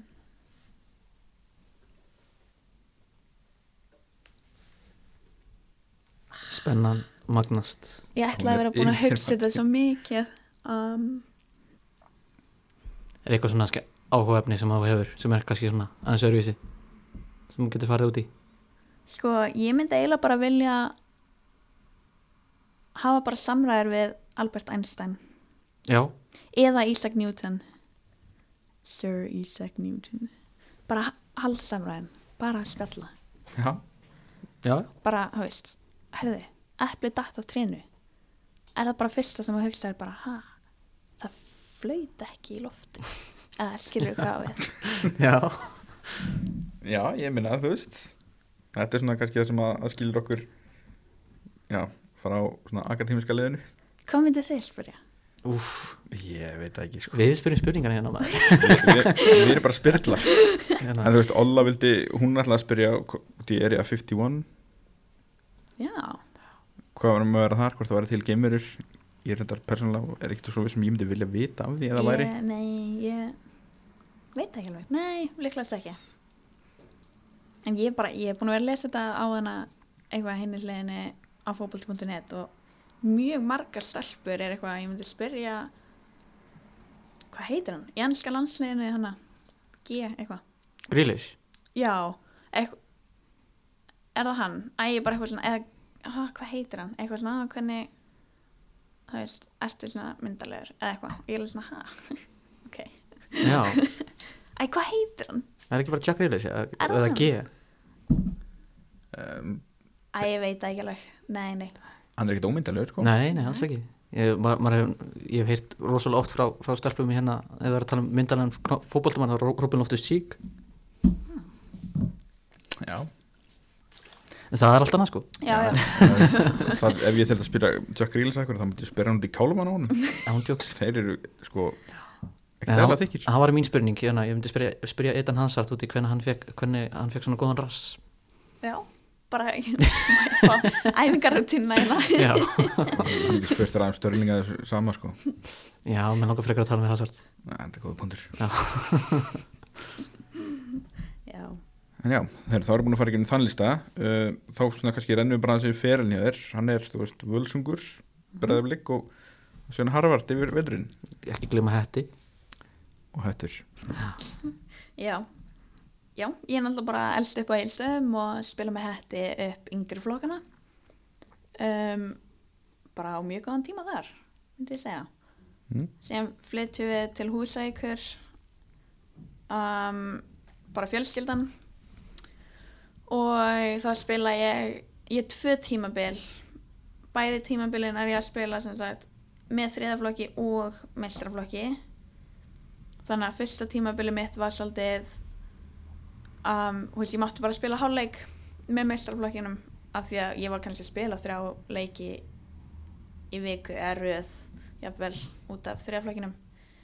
Og ég var frekar lítil og svona bara nett og grönn og smá svona að ég veit ekki alveg, ég var ekki alveg búin að vaksa þannig að það var bara, veist vildum ekki fara yfir um.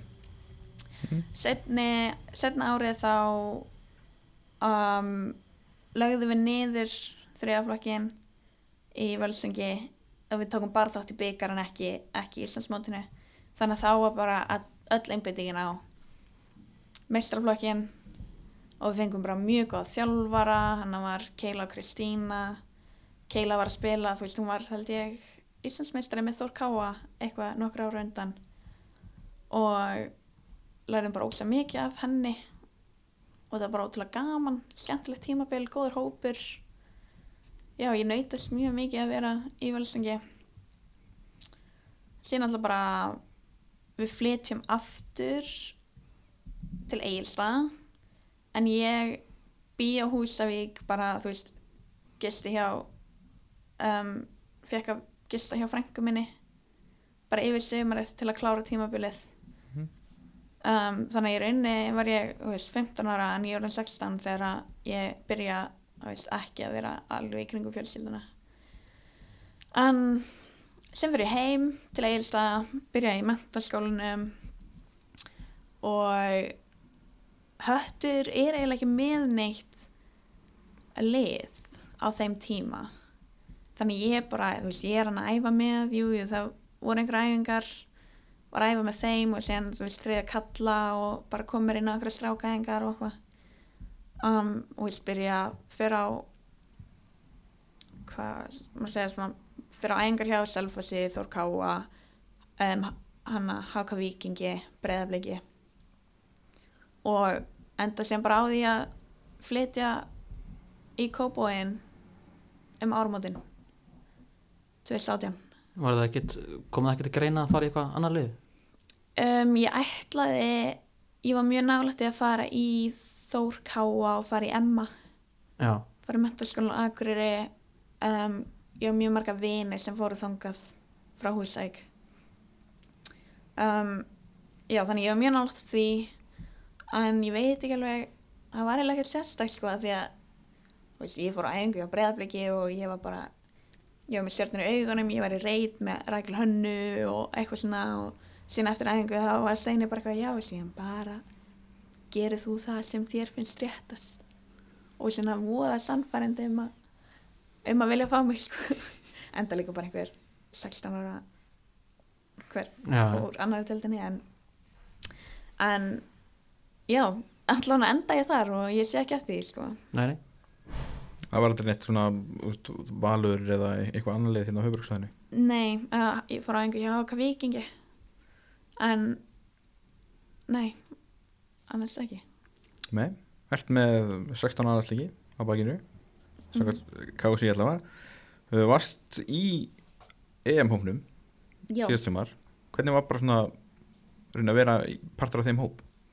Það var bara það var komur að segja svona bara stórt um, mikill heiður.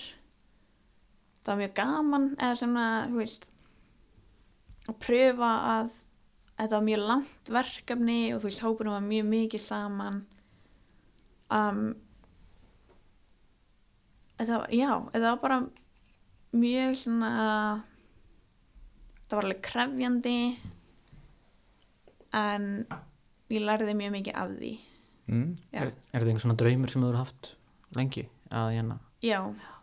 Um, ég held að hvað ég var ég var mjög ung þegar að þú veist ég byrjaði svona að setja mig markmið og, og ég skrifaði held ég hana ég átti svona stórt plaggat eða svona blað sem ég var búin að skrifa eitthvað ég ætla að spila með eða landsliðinu og bara eitthvað svona fótbolta og eitthvað vel Mm. skreitt og bara límdi það inn í fataskápin minn.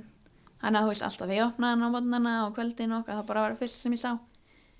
Um, þannig að þú veist það var bara mjög gaman í rauninni að ég hafi komist í hópin sérstaklega og því að ég átti fyrir eitthvað erfitt en ár þar á undan með höfu meðsli og okkur svo þannig að já, bara markmiðinu, markmiðinu var náðu sko.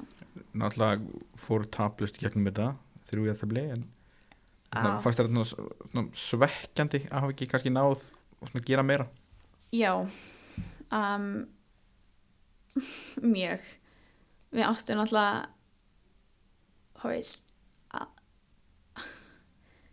það, það var mjög svekkjandi úrslit bæði sko, Belgia var náttúrulega við hefum bara átt að vinna þann leik.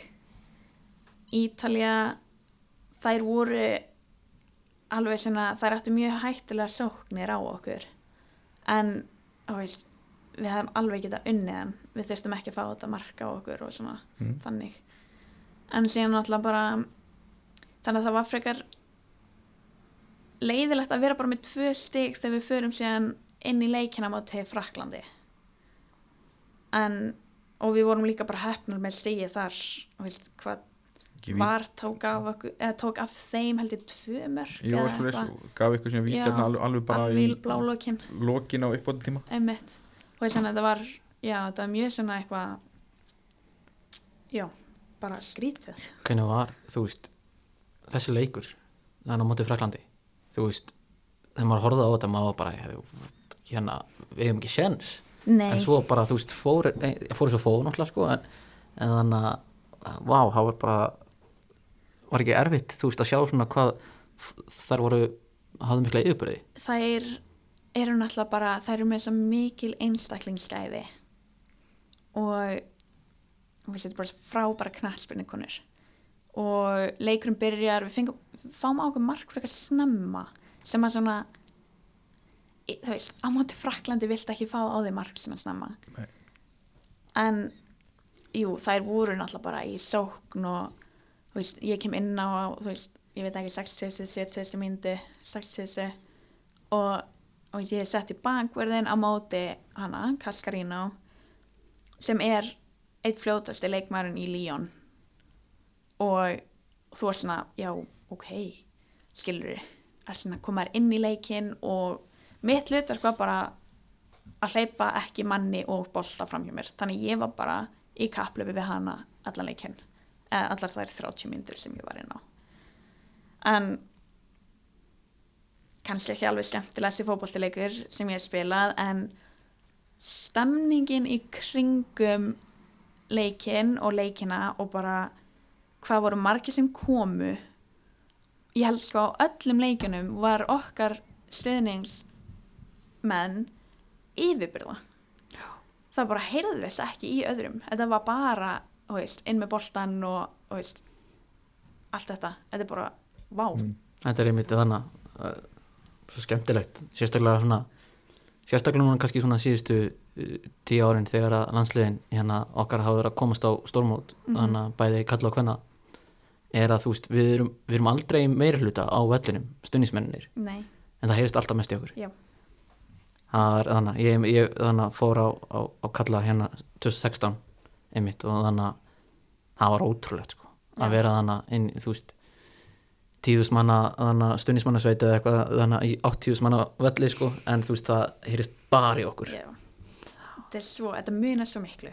Bara verða að segja að þetta munar ótrúlega miklu. Og það kom mjög stór hópur af minni fjölskyldu. Um, ég voru eitthvað 40 mann sem fylgdu mér og ég, ég sko mann svo vel eftir að ég fór inn á múti Ítalíu ég fekk einhverjar nokkra mínatir kom inn á múti Ítalíu og bekkurinn er, fjölskylda mín situr bara rétt fyrir ofan bekkin og ég heyri bara það kemur hana upp og bara þú veist skipting afslumundagunlega það kemur inn á og þannig að hall bara út af. Og þá bara, ég heyri bara í minni fjölskyldu og það ég fæ bara svo svona að þetta var svo gaman, þetta var bara svo gott í hjartað. Og komst það inn á það höfuð þau ekki sem þú fegst ekki ára áður. Jú, bara hér, þú veist hvernig var svona hvernig bara díla við, við það í rauninni? Það var mjög erfitt. Um, ég náttúrulega, þetta var bara á öðrum degi í skólanum. Fæ höfuhöggið ég er bara með höfuverki og svona ljós og hljóðfælni og svona augnhreyfingar þannig að og ég var kannski að í tíma og var alltaf að horfa upp og niður og þú veist upp og niður og ég var bara ég átti bara mjög erfitt með þetta þurfti að draga mig úr áfanga og allt bara þannig til að innfalda um, og að þetta kemur eiginlega ofan á það að ég, ég var búin að vera að glíma við sko ég veit ekki alveg, ég veit ekki alveg hvað en þannig að þú veist, 2020 ég náttúrulega er eiginlega út það tímabil að glíma við einhvað bara og eða bara svona sífella þreytu og um, svona og fá hann hjarslátt og eitthvað þannig ég var bara að ég var í uppbytun að skokka og ég var bara í 190 í hana beats per minutes en þannig að veist, þetta er búið að vera þetta var mjög lengi og ég komst einhvern veginn í gegnum 2001 tímabilið og síðan bara kem ég út spila eitt leik eða eitthvað og fæta höfuhögg þannig að ég, það bætist ofan á höfuverkir og þú veist öll þessi ljósa hljóðfælni og bara svimi og allt þetta. Ofan á það að vera bara alltaf þreytt og alltaf eitthvað sljó og þú veist, ég var að lappa upp stega og ég var bara, ég þurfti að setja sniður og allt þetta. Þannig að veist, þetta var mjög erfur tími og þá sérstaklega það að ég hafi verið að byrja í nýjum skóla á nýju tungumáli eða þú veist, bara ekki íslensku. Og það var ekki, þetta var ekki ideal byrjuninu mín, myndi ég segja. Hvernig var svona prótokolli í kringum þetta, þú veist þau, þau eru mjög ströng á höfuð höggum í bandringinum og ég bara fór strax út af og þú veist, þurfti að svara einhverjum lista, bara svona einkenni bara hverjum einasta degi, þá bara, þú veist frá einn upp í fimm eða tíu eða eitthvað, þú veist hversu mikil einkenni eru og eitthvað lala síðan var þetta búið að vera í tvo, þrjá mánuði án þess að lagast og þá, þá fór ég í heilaskanna bara að aðtöðu hvort það væri einhver, einhver hérna, eitthvað að þar. Um, og síðan svona, þú veist ertu heldur þetta áfram og þá svona heyrði þú veist lif og þú veist sálfræði meðferð og bara alls konar þannig. Þannig að þau eru mjög mjög hörð á því á þessu öllu. Mm. og svona náttúrulega sumra undan þá náttúrulega glýmur við þennan sljóleika og fær COVID ofan í þetta allt saman líka. Mm já, það verður náttúrulega ekki hjálpað? Nei ég held sko ég bara mér lið bara eins og ég hafi ekki spilað eins og ég sjálf síðan 2019 og síðan bara byrjar þetta allt og það er bara einhvern veginn þú veist, hvað er þetta, hvað er að síðan bara COVID um, og veist, þá bara ennþá meira bara meira þess að lungna vesen og það er bara eitthvað, ég fara á æfingu ég er bara búin á því sem bara 2001 ég byrja ég segi bara þú veist, hei ég ég fyrir bara gegnum þetta. Ég nann ekki aftur að setja heilt tímabil út. Þannig að ég spila 2021 bara líðandi illa og síðan þú veist fyrir náttúrulega út það hefur ekki líðandi ennþá verð og ég var bara svona þú veist, ég var bara komið með upp í koka á því að líða illa. Bara, þú veist, fótbolt er að skemmtilega sem ég geri en þetta var ekki eins og bara þegar ég var að spila eða æfa, þetta var bara, þú veist, labba. Þetta var bara allt. Þannig að, þú veist, syngjum við 2022 og ég bara svona, ég hef þróað með mér bara einhvern, þú veist, bara smá þung, þunglindi og þú veist, kvíða og þú veist, ég átti mjög marga, mjög erfiða daga. Og þú veist þú veist, var ekkert að sofa bara alls konar, þannig að það, það er mjög margt sem að svona sem ég þróa með mér í gegnum það bara að líða aldrei líkamlega vel. Og og ég man til dæmis eftir því bara sem kem ég heim 2002 spila eitthvað þú veist, er hana bara að reyna að vera ekki súr í lærunum og reyna að vera, þú veist, halda mig niður fyrir, þú veist, 100 eða 200 í uppbytun og allt þetta lala og síðan bara og veist, bara frekar erfið sumar yfir höfuð. Þú veist, ég bara kannski frekar niðri og þú veist, er að reyna að vera jákvæð og góð og þú veist, er að vinna líka og bara frekar mikið í kringum þetta og sen bara, þú veist, verði ég í EM-hópnum, verði ég ekki í EM-hópnum á ég skili að vera í EM-hópnum og síðan þú veist, átti einhverjana erfiða dag í kring og dagurinn sem að hann tilkynir EM-hópin er helgi og það er í covery-æfing ég ringi mér en veika að ég bara, ég bara komst ekki fram á rúminu, þú veist, ég var bara eitthvað þung. Og ég er upp í rúmi til eitt, hann tilkynir hópin og ég man eftir tilfinningunni að vera bara svona já ok, eða fattur þau ég var svona ok. Na bara flott. Og síðan voru allir að ringi mig og ég var svona, þú veist, guð, ég er bara upp í rúmi og eða fattar þau, þannig að ég var svona búin að dreyma um það að komast á EM vera í landsliðinu og allt þetta og sem kemur stundin og þú ert svona þú ert ekki eins og þú átt að vera mm. og þú veist, náttúrulega sem kemst ég alveg smá yfir það og verð bara, herði, þú veist, vá, geggja, ég er í EM-hóknum og bara, þú veist, ég verð að standa mig og allt þetta og æfingarferðin byrja, eða æfinga hana, þú veist, við byrjum náttúrulega heima erum að spila, bara að æfa þú veist, ég er að fá eitthvað salt vatn í æð og bara eitthvað svona, þú veist, til að reyna að hjálpa mér og mér liði bara illa. Og að, yfir allt allan þennan tíma var ég bara mjög erfiðum stað með bara á ég að vera hérna er ekki betra að einhver sem að er 100% sem að getur gert þetta sé hérna þetta er stórt, þetta er mikið, þetta er mikilvægt. Þannig að þú veist ég er bara í einhverju og veist, við erum alltaf með púlsmæla og allt þetta og veist, ég er bara stoppið af stundum og bara eitthvað svona hlusta á mig og bara þú veist, ég bara herðið fyrir ekki að ég þarf að stiga út af æfingu bara smá pása, vatn, allt þetta. Um, þannig að þú veist, ég sæði við sjálfa mig á þessi stórmöti að ég var ef að við komumst á HM og ég er eins bara í sömu stöðu þá myndi ég afþakka að vera í hópnum. Veist, ég myndi ekki fara í gegnum annars stórmót leðandi svona. Þannig að en sem betur fer um, veist, eftir þetta en í lók apríl nei, mars, apríl ágúst, lók ágúst að þá fæ einhver lif sem er notið við hana pots sem að, sem að bara vika æðanar og það hjálpa mér bara hægir á hjarslættinum í rauninni. Mm. þannig að þú veist, ég komin að lif sem að hægir á hjartslættinum um, þannig ég á bara auðveldra með að byggja mig upp aftur. Þannig að þú veist, ég er búin að vera bara á því lifi um, sem hefur hjálpað mér. Þannig að núna liðið mér öðruvísi mér liðið betur, ég fæði samt stundum alveg svona köst, skilji en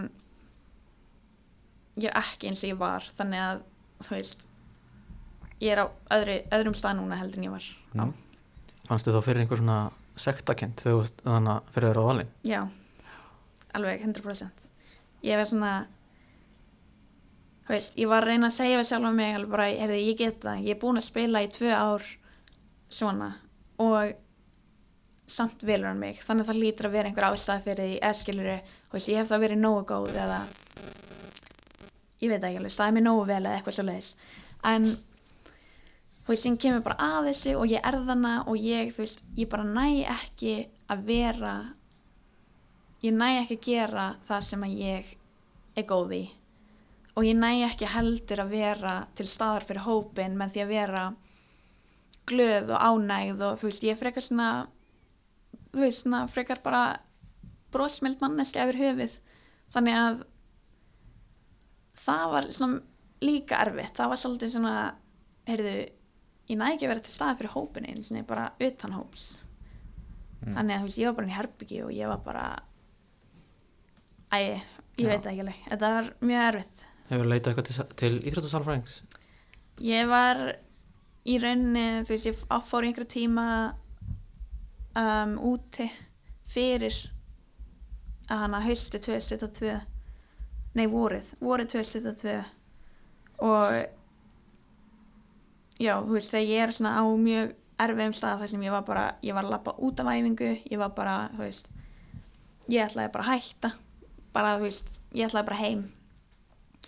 Og veist, ég ætlaði bara að hætta í skólanum, ég ætlaði að hætta í fótbolta ég ætlaði bara, þú veist, þetta bara virkar ekki. Það greinlega bara ætlaði er ekki ætlað mér.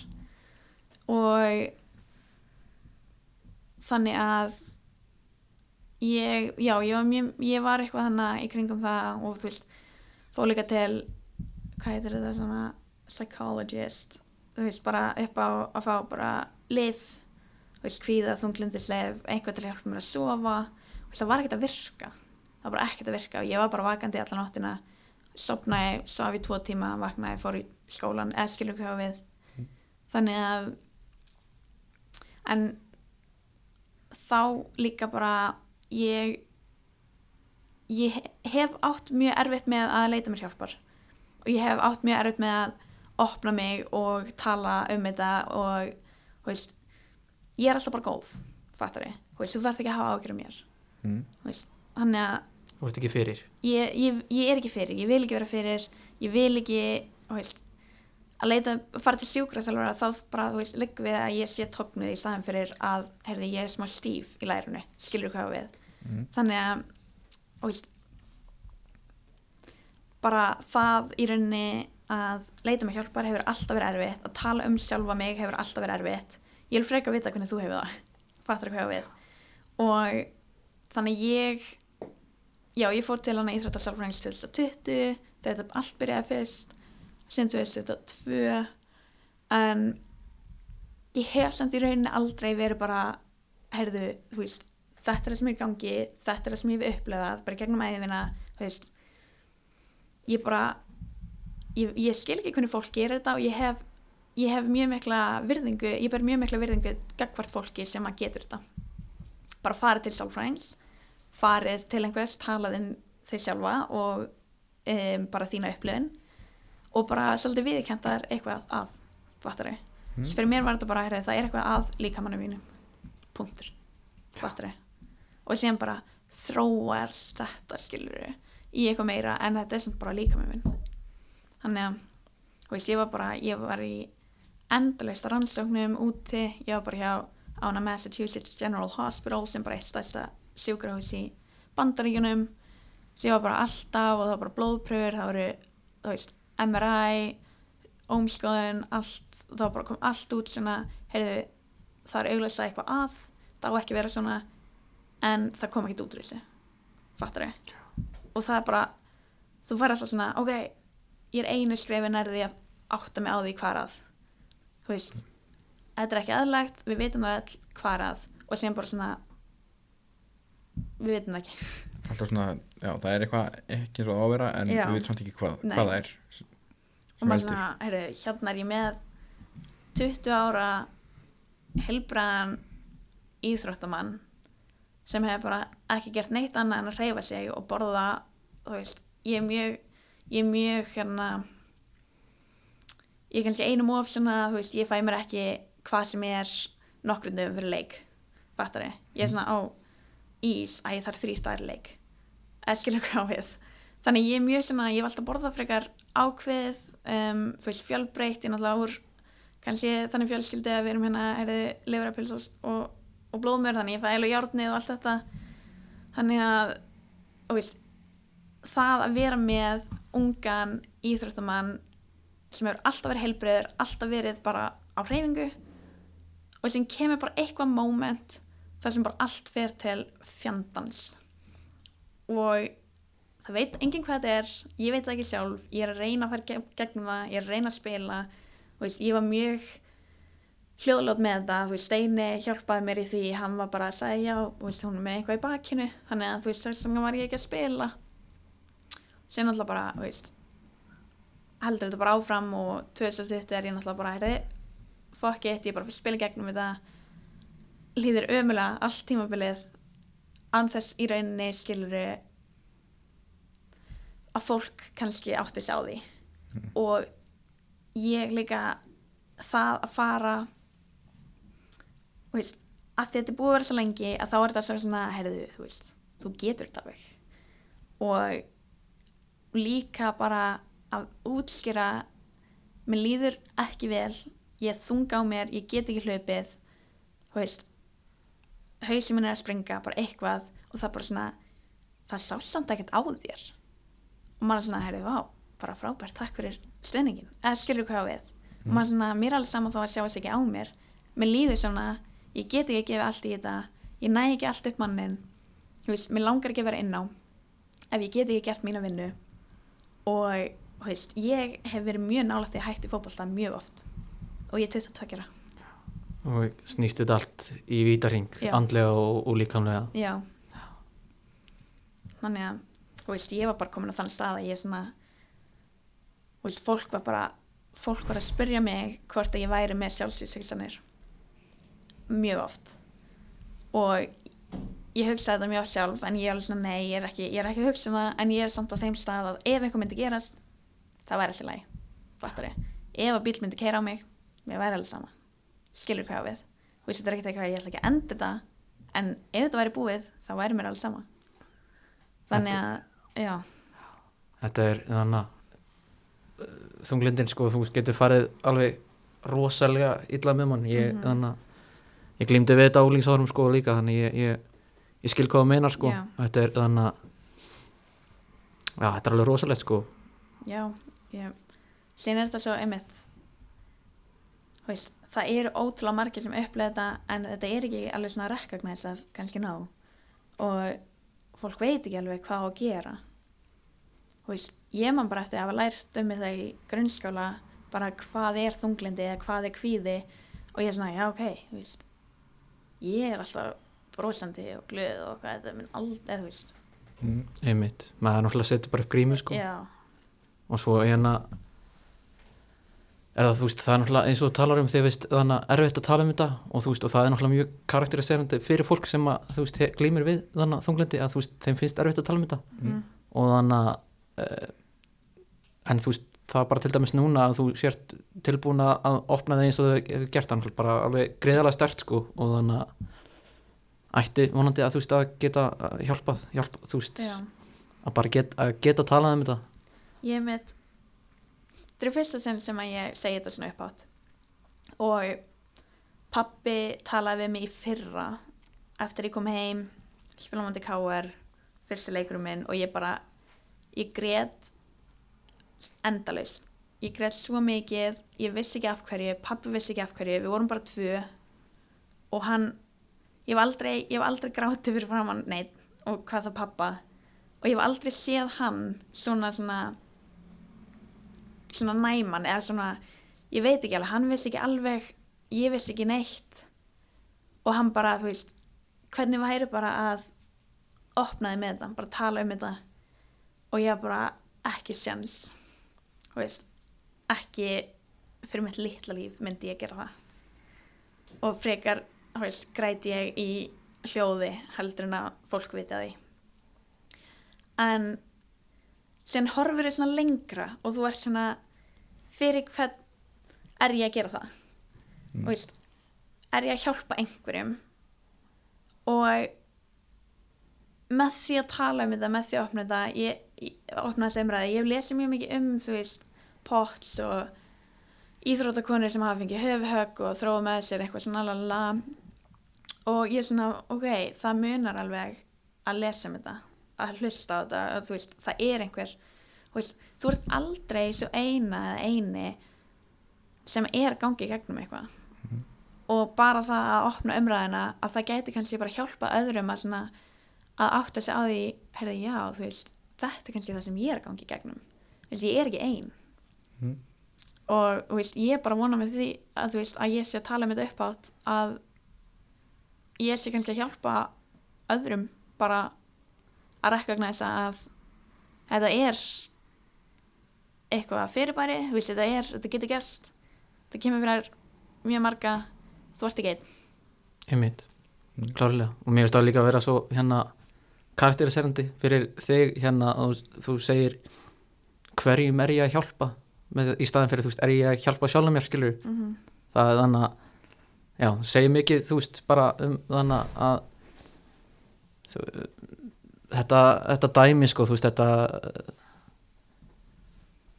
þetta, þú veist, þetta er, þetta er þú veist, nýð á, á sjálfum þér í rauninni, þetta er, þetta, allir í, þetta er ekki nýð á neinum í kringu þig sko. Og það er þannig að það er það sem er svo vond sko. Mm.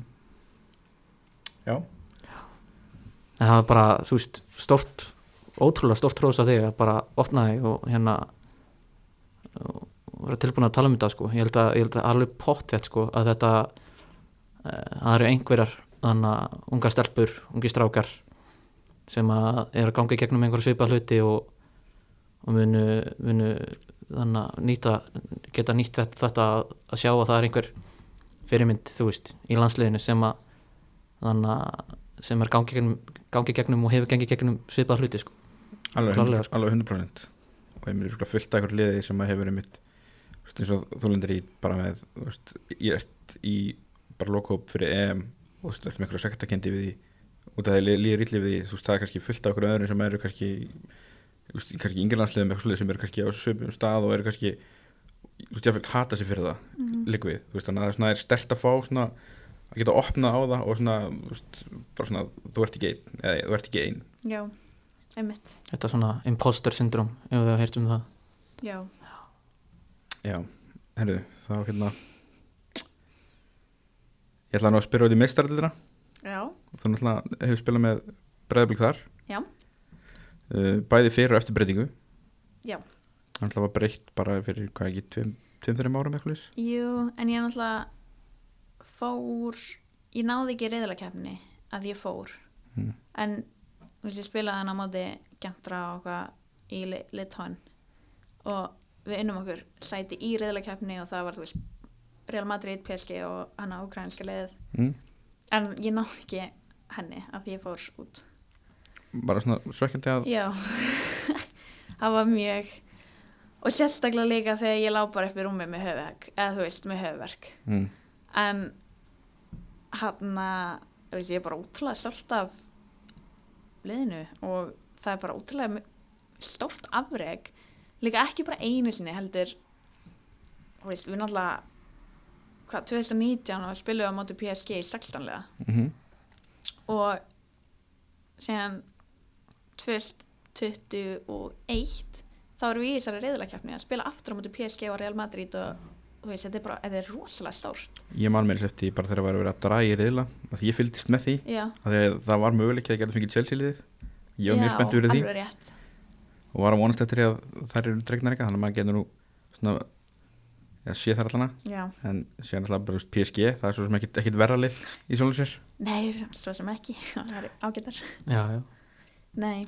Það er þannig að það- þar kem, komum við líka aftur inn á hérna, það er alltaf að tala um þannig að hvenær kemur Íslands leið í, í reyðalkeppni í Evrópu já, það er náttúrulega, það er alltaf búið að gerast. Já, einmitt. Og þannig og það bara, þú veist, ef að fólk vil sjá það þá er það hægt í hvernig og mér er það bara gott betur alltaf voru hérna í 16 úrslit við mitt. Einmitt, nú er líka valur og, og stjarnan að fara í meistaradeldina þannig að það ég er bara að vona að þeim gangi vel bara fyrir alla sko. Og ég held líka að þær eru ég held að stjarnan verði spennandi að fylgjast með þeim þar. Mm. Þannig að þær lendi í öðru í deildinni þannig að ætti þær þá ekki að fá erfiðari já, ég, einstaklinga ég hugsa að fara, er ekki bæðileg sem fara í undakefni fyrir? Já. En já, ég bara vona að þeim gangi vel. Mjög gaman að spila þessa leiki. Þetta er, þetta er leikir sem þú vilt spila. Já, þú nefndir það svo, svo sem aðeins hérna áðan að þú fórst á reynslu til PSG mm -hmm. hefur þú farið á reynslu í okkur með öðrum félögum eða jafn- jafnvel verið nált í að semja við okkur öðnur félög úti um, ég sem sagt spilaði meistaradeldinni 2019 fer út til PSG í februar 2020 kem heim og það var eiginlega bara COVID. Þau vilja fá mig aftur og eitthvað en þá er bara, þú veist, það er mitt COVID og ég er með þess að þannig að þetta hjartavandamál og allt þetta og, og ég veit ekki hvað það er, ég er bara alltaf þreytt og, og ég er svona ég mynd, það myndi ekki gera neinum gagn að ég fari út aftur núna. Þannig að þú veist, við segjum bara sama þegið, þú veist, ekki, ekki núna. Um, við segjum alltaf bara kemur COVID og allt verið rugl og allt bla bla bla. Þannig að þú veist, ég það, það bara lægði um, með PSG en um, síðan ég er náttúrulega í sambandi við Harvard alveg í einhver tvö ár en ég fyrir út. Mm. og ég ákveð ekki að fara í Harvard fyrir en tveimu vikum fyrir held ég. Áður en ég var aftur að vera mætt út. Þetta var mesta byll sem ég veit um sko. ég ekki verið svona óákveðin. Ok, takk ykkur ákveðin standið við hana. Nei nei. En ég náttúrulega ég tók ákveðin ég alveg hei ég fer bara út. Þetta, þú veist, vestafalli fer ég bara heim aftur. Þá er ég búin að pröfa það. En voru fleiri skólar í myndinni heldur en Harvard? Nei, ég ætlaði aldrei í, til bandaríkina ég ætlaði aldrei í háskólaboltan ég ætlaði bara að spila hér og sem fara út í atvinnumensku ef mér byggðist það. Mm. en síðan alltaf kemur Harvard upp og þá ertu svona að ég kannski ekki alveg að fara að segja nei bara strax. En ég sagði nei einu sinni en þeir heldu áfram og þannig ég fór að endur hugsa fór í gegnum ferlið og komst inn í skólan þá er ég bara eitthvað heyrðu ég slæ bara til, pröfu þetta. Og veist, ég fer þá bara heim aftur. Þá er ég allavega með þess að veist, ég gæti þá alltaf farið aftur í skólan þegar ég vildi ef ég vildi.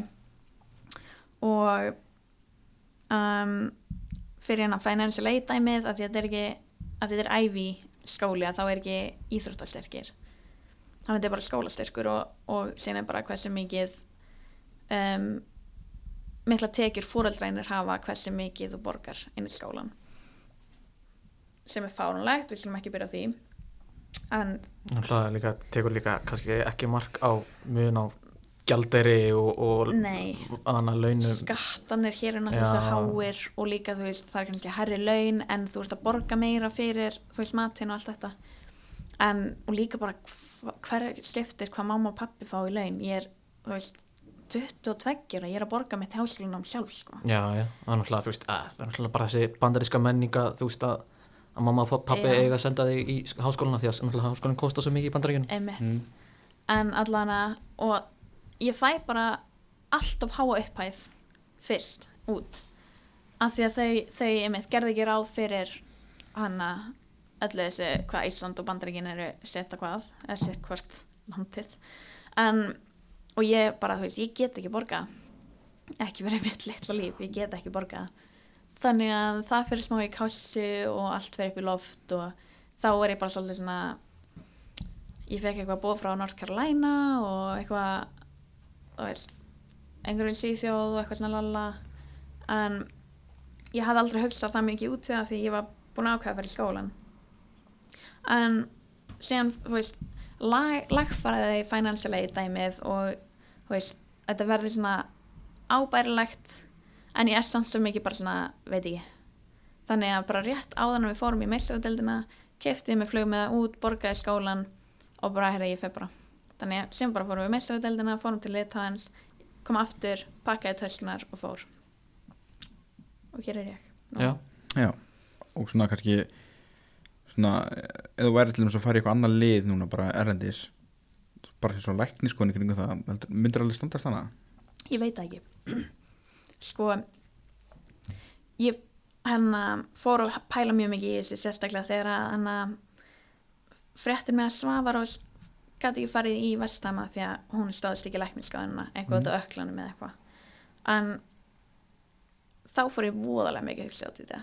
Og ég er alveg svona, mun ég einhver tíman komast í aðturumannulegð þú veist, er ég að fara að standast lækniskáðan af því ég get ekki hlupið á þessu laupabrætti fyrir mitt litla líf í svona langa tíma. Þú veist, ég gæti allan ekki að ég byrja þessum livjum mm. og síðan er spurning, er ég að fara að lifa þessum livjum bara endalaust? Um, og þú veist, þá ég sé á livjum sem að lækka hérna hæja kjálslættinum að þá er samt svona, þú veist eins og bara í leiknum mútið Þór Káa ég fekk einhver kast þar og var bara með höfverkjakast og þurfti að fara út af og eitthvað, veist, ég, það er alveg ennþá eitthvað í gangi þó svo að ég fylgði það með livjum en það er nefnilega góð spurning, ég er líka búin að vera að pæla í þessu. Já, það var kannski bara að koma í ljós. Mm en er, er eitthvað svona lið sem að hefur reynd að ná, ná að semja því bæði hérna hér heima eða, eða úti? Sko umbóðsmaður minn sér eiginlega bara um það. Hann veit að ég er með það, þú veist, á plani bara að klára skólan, þannig að hann eiginlega heldur því bara fyrir sér. En áður en ég fór út þá var eitthvað svona þá kom eitthvað svona, ég fór á fund með honum og hann var eitthvað eftir búin að ákveða? Og ég alveg, heyrði, nei, ég þú veist, þrjár vikur í þetta en ég veit ekki hvað að gera. En það var eitthvað svona einhver lið, veist ég veit ekki hvort ég er að fara að nefna en það voru alveg einhver lið og alveg einhver stór lið sem að maður var svona vá, heyrðu, hvað ég að gera? Já, mátt alveg nefna nei, nei, það Olla, Olla nefndi nú Asi Milan hjá sér. Já. Nei, ég ætla ekki að fara að gera neitt. En það getur komið upp aftur? Já. En hann bara sér um það og hann, hann veit að ég er að klára þú veist, eftir tvö ár og við erum búin að tala um það bara, þú veist við skoðum það bara þá. En hérna heima var þetta svolítið við náttúrulega klúðruðum síðasta tímabili alveg hryllilega og mjög mikil vonbreiði um, ástandið líka bara, þú veist bara hvað var í gangi hjá breyðabliki bara klúbnum og skallanir hann unnu og bara frábært stolt af þeim. En hvernig þá bara er hort á okkur? Hvernig var metnaðurinn þar? Af hverju lendi við af hverju voru að tapa bara öðrum hverjum leik? Allt þetta.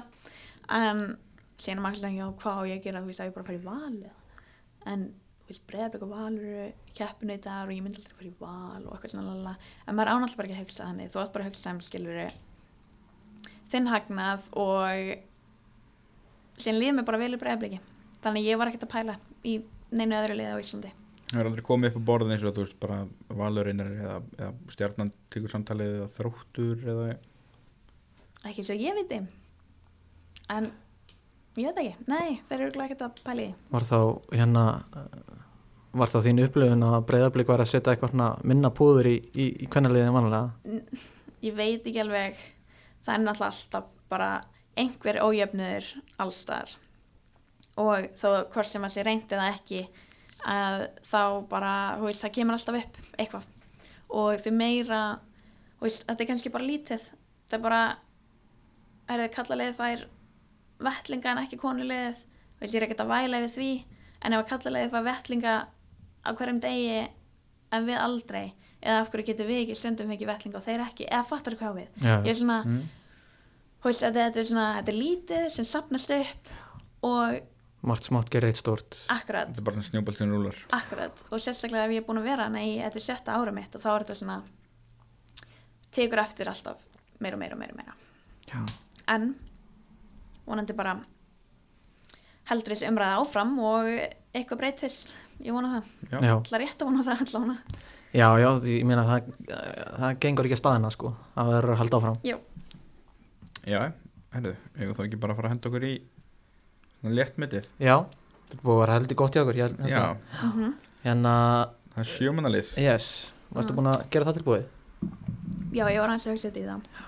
Á ég að stilla því upp eftir skilur hana stöðum.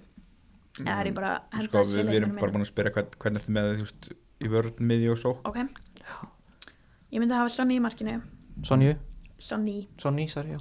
Nei, alltaf. Sonny Lára. Ég myndi hafa hann í markinu ég myndi hafa ég ætla, ég ætla að gera þetta þannig að ég tek ekki það sem ég hef, hef bara að spila með í landsleginu af því að það veist þá er þetta alltaf verið þetta er alltaf verið Ok, en allavega, Sonny í markinu ég ætla að hafa bara heiði sem og hérna Kristina Dís í Mm. verð bara dynamic duo.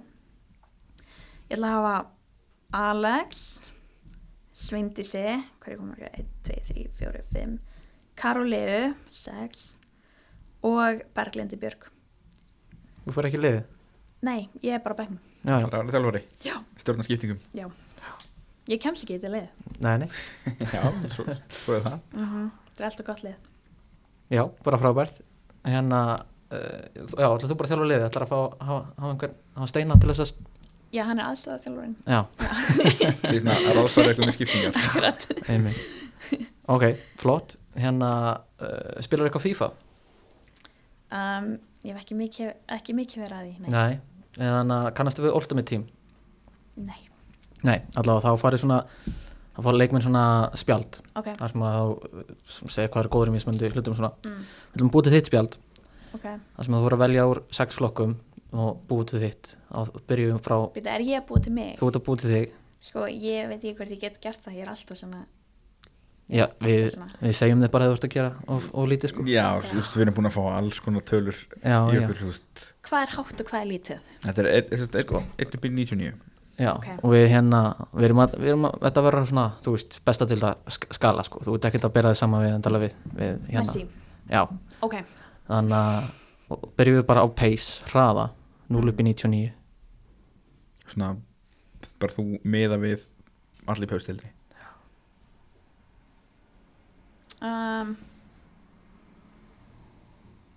Veit það ekki 80, já, 75 80, 80 er bara svolítið sko. Já, já, Ok, meina Já, ok. Já, og shooting skot. Sérst að máli hvað fótur? Nei, nei, Nei, nei, ok. Þetta má vera, þetta er sérst bæði bara bara potar að minni teig eða þá, þú veist, langskot eða Ok. ná að leggja hann. Já, já, bara 75 já, 75 það er bara fínt að Er ég að gera of hátt? Ég Nei, kann þetta nei. ekki alveg. Þetta er bara mjög gott sko. ekki. 75 á vinstri bak er bara mjög gott sko. Þannig að, Kannski of hátt? Nei, nei, alls ekki. Og bara passing, sendingar um, Mætti alveg vera betri í því. Ég ætla að segja 68 já, Ekki herra Er það of lágt? Svona bara- held, heldur, myndi Heldur ég segja Ok, ég er nú kannski ekki ræðileg fyrir, Það er bara að segja 75 líka. Já, já, Já, það er bara fínt. Ok, Lili, sem leik. Þetta er ekkert leikur sko, þetta er bara, þú veist, þetta er fúlast alvara. Dribbling, reykja boltan svona taka mig ná og svona. Já. Já, ég myndi alveg setja bara 80 þar líka. Ég er betri í því heldur með sendaboltan já, Ok, það er bara fínt. Eh, svo þú getur verið nú að há hérna defending, Já, verjast. Það er svona 35 nei. Ok, ég set alveg minna af því að ég má bæta með heilan helling. Ég ætla að segja þá bara hvað er lasta sem ég kom með núna er 75 já. Alveg 65 ok, er það ekki fyrir látt eða? um, þetta er náttúrulega bara þitt mat sko, en, en hérna en Ok, 68 68, Síðasta, já, já. Og physical um, ég má bæta mig heilan hellingi því líka. Já, já, en það er náttúrulega kannski líka smá hérna líkamlega erflíkar sem að, já. Ég set það líka bara í 68 já, við erum bara hana varnaleikurinn á physical. Ok. Hérna þá er það bara overall. Hvað hérna þú þarft ekki að reikna bara hvað það finnst. Já, overall. Náttúrulega í landsliðinu og, og ef að hund, eða 99 er bara svona besti, besti, þú veist, þú veist bara perfect. Já, ok, bara, já, ef, já, ef við segjum kannski að 99 er bara besti leikmaðurinn í bestu dildinni eða eitthvað. Til að segja er ég þá ekki bara góð í 72 Nei, nei, nei, nei, nei. Herði, þú, þú ferði yfir, þú ferði yfir 80 sko- allavega sko, þú ert alveg með sko, breytt til að gefa svona smá hugmyndum þetta uh, ef við tökum bara Jasmín Erli hún gaf sér 80 í defending og 80 í physical. Ok, uh, Olla, Olla gaf sér 40 í defending og 89 í physical geggið en það er hún líka bara nöyt nei, nei. Nei, en ég minn þú ert í landsliðinu og, að- og þú veist þú ert alveg, þú ert yfir 80 í overall sko, það er alveg bóttið sko. Ef ég er yfir 80 overall þá er ég 80 og 1 Ok. Svo bara, þú veist, hérna eins og Olla Sigga talaði um og fær hérna grænu örna í þessu öllu og verður bara betri og já, bara að þróast. Þetta er bara snýstum að bæta sig. Já, Já, nei, nei, það er bara fínt. Allavega hérna smá breyting frá flestum, það er hóvar því hérna. Flestir er svona kannski Já, svolítið veist, Byrni svona ringa var með, ní- sagðist vera með 99 í dribbling og bara 94 overall og ég myndi ekki vilja mæta honum ekki með mitt 65 í defending á móti 99 í dribbling. Já. Erði, hérna, já, já, þetta er bara fínt og svo bara verður það bara starra og betra. En hérna, lóka spurningi þá eh, ef þú ætlar að hérna skora á einhvern í deildinni eða í lengi deildinni, hérna bara einhvern til þess að koma í þáttinn, hvern myndur þú skora á? ég myndi vilja heyra hvað Gunni hefur að segja. Ég held að hún hefur mjög mikið að segja. Já, og ég held að hún eigi mjög hún hefur náttúrulega átt mjög um, upp og niður tímabil. Eða tímabil, bara þú veist feril. Mm. ég held að það sé hægt að læra mjög mikið að henni ég vil skora hana. Já, frábært. Þá hérna held ég Það sem er bara komið okkur, það við er ætlum að minna á hérna myndir af öllu þess vegna hérna úr léttmættinu kemur inn á, á Instagrami okkar. Ok, og hérna svo erum við með TikTok líka og hérna þar sem við setjum inn svona myndbönd úr, úr þáttunum og svona. Þannig að endilega, endilega kíkja á Erum við það. að taka þetta upp með myndvel nei, nei, ég, ég, ég bý til eitthvað svona já, í, með myndum og svona ég var að falda myndalega hérna og hérna. Nei, nei. Er, takk kærlega. Bara takk hérlega fyrir mig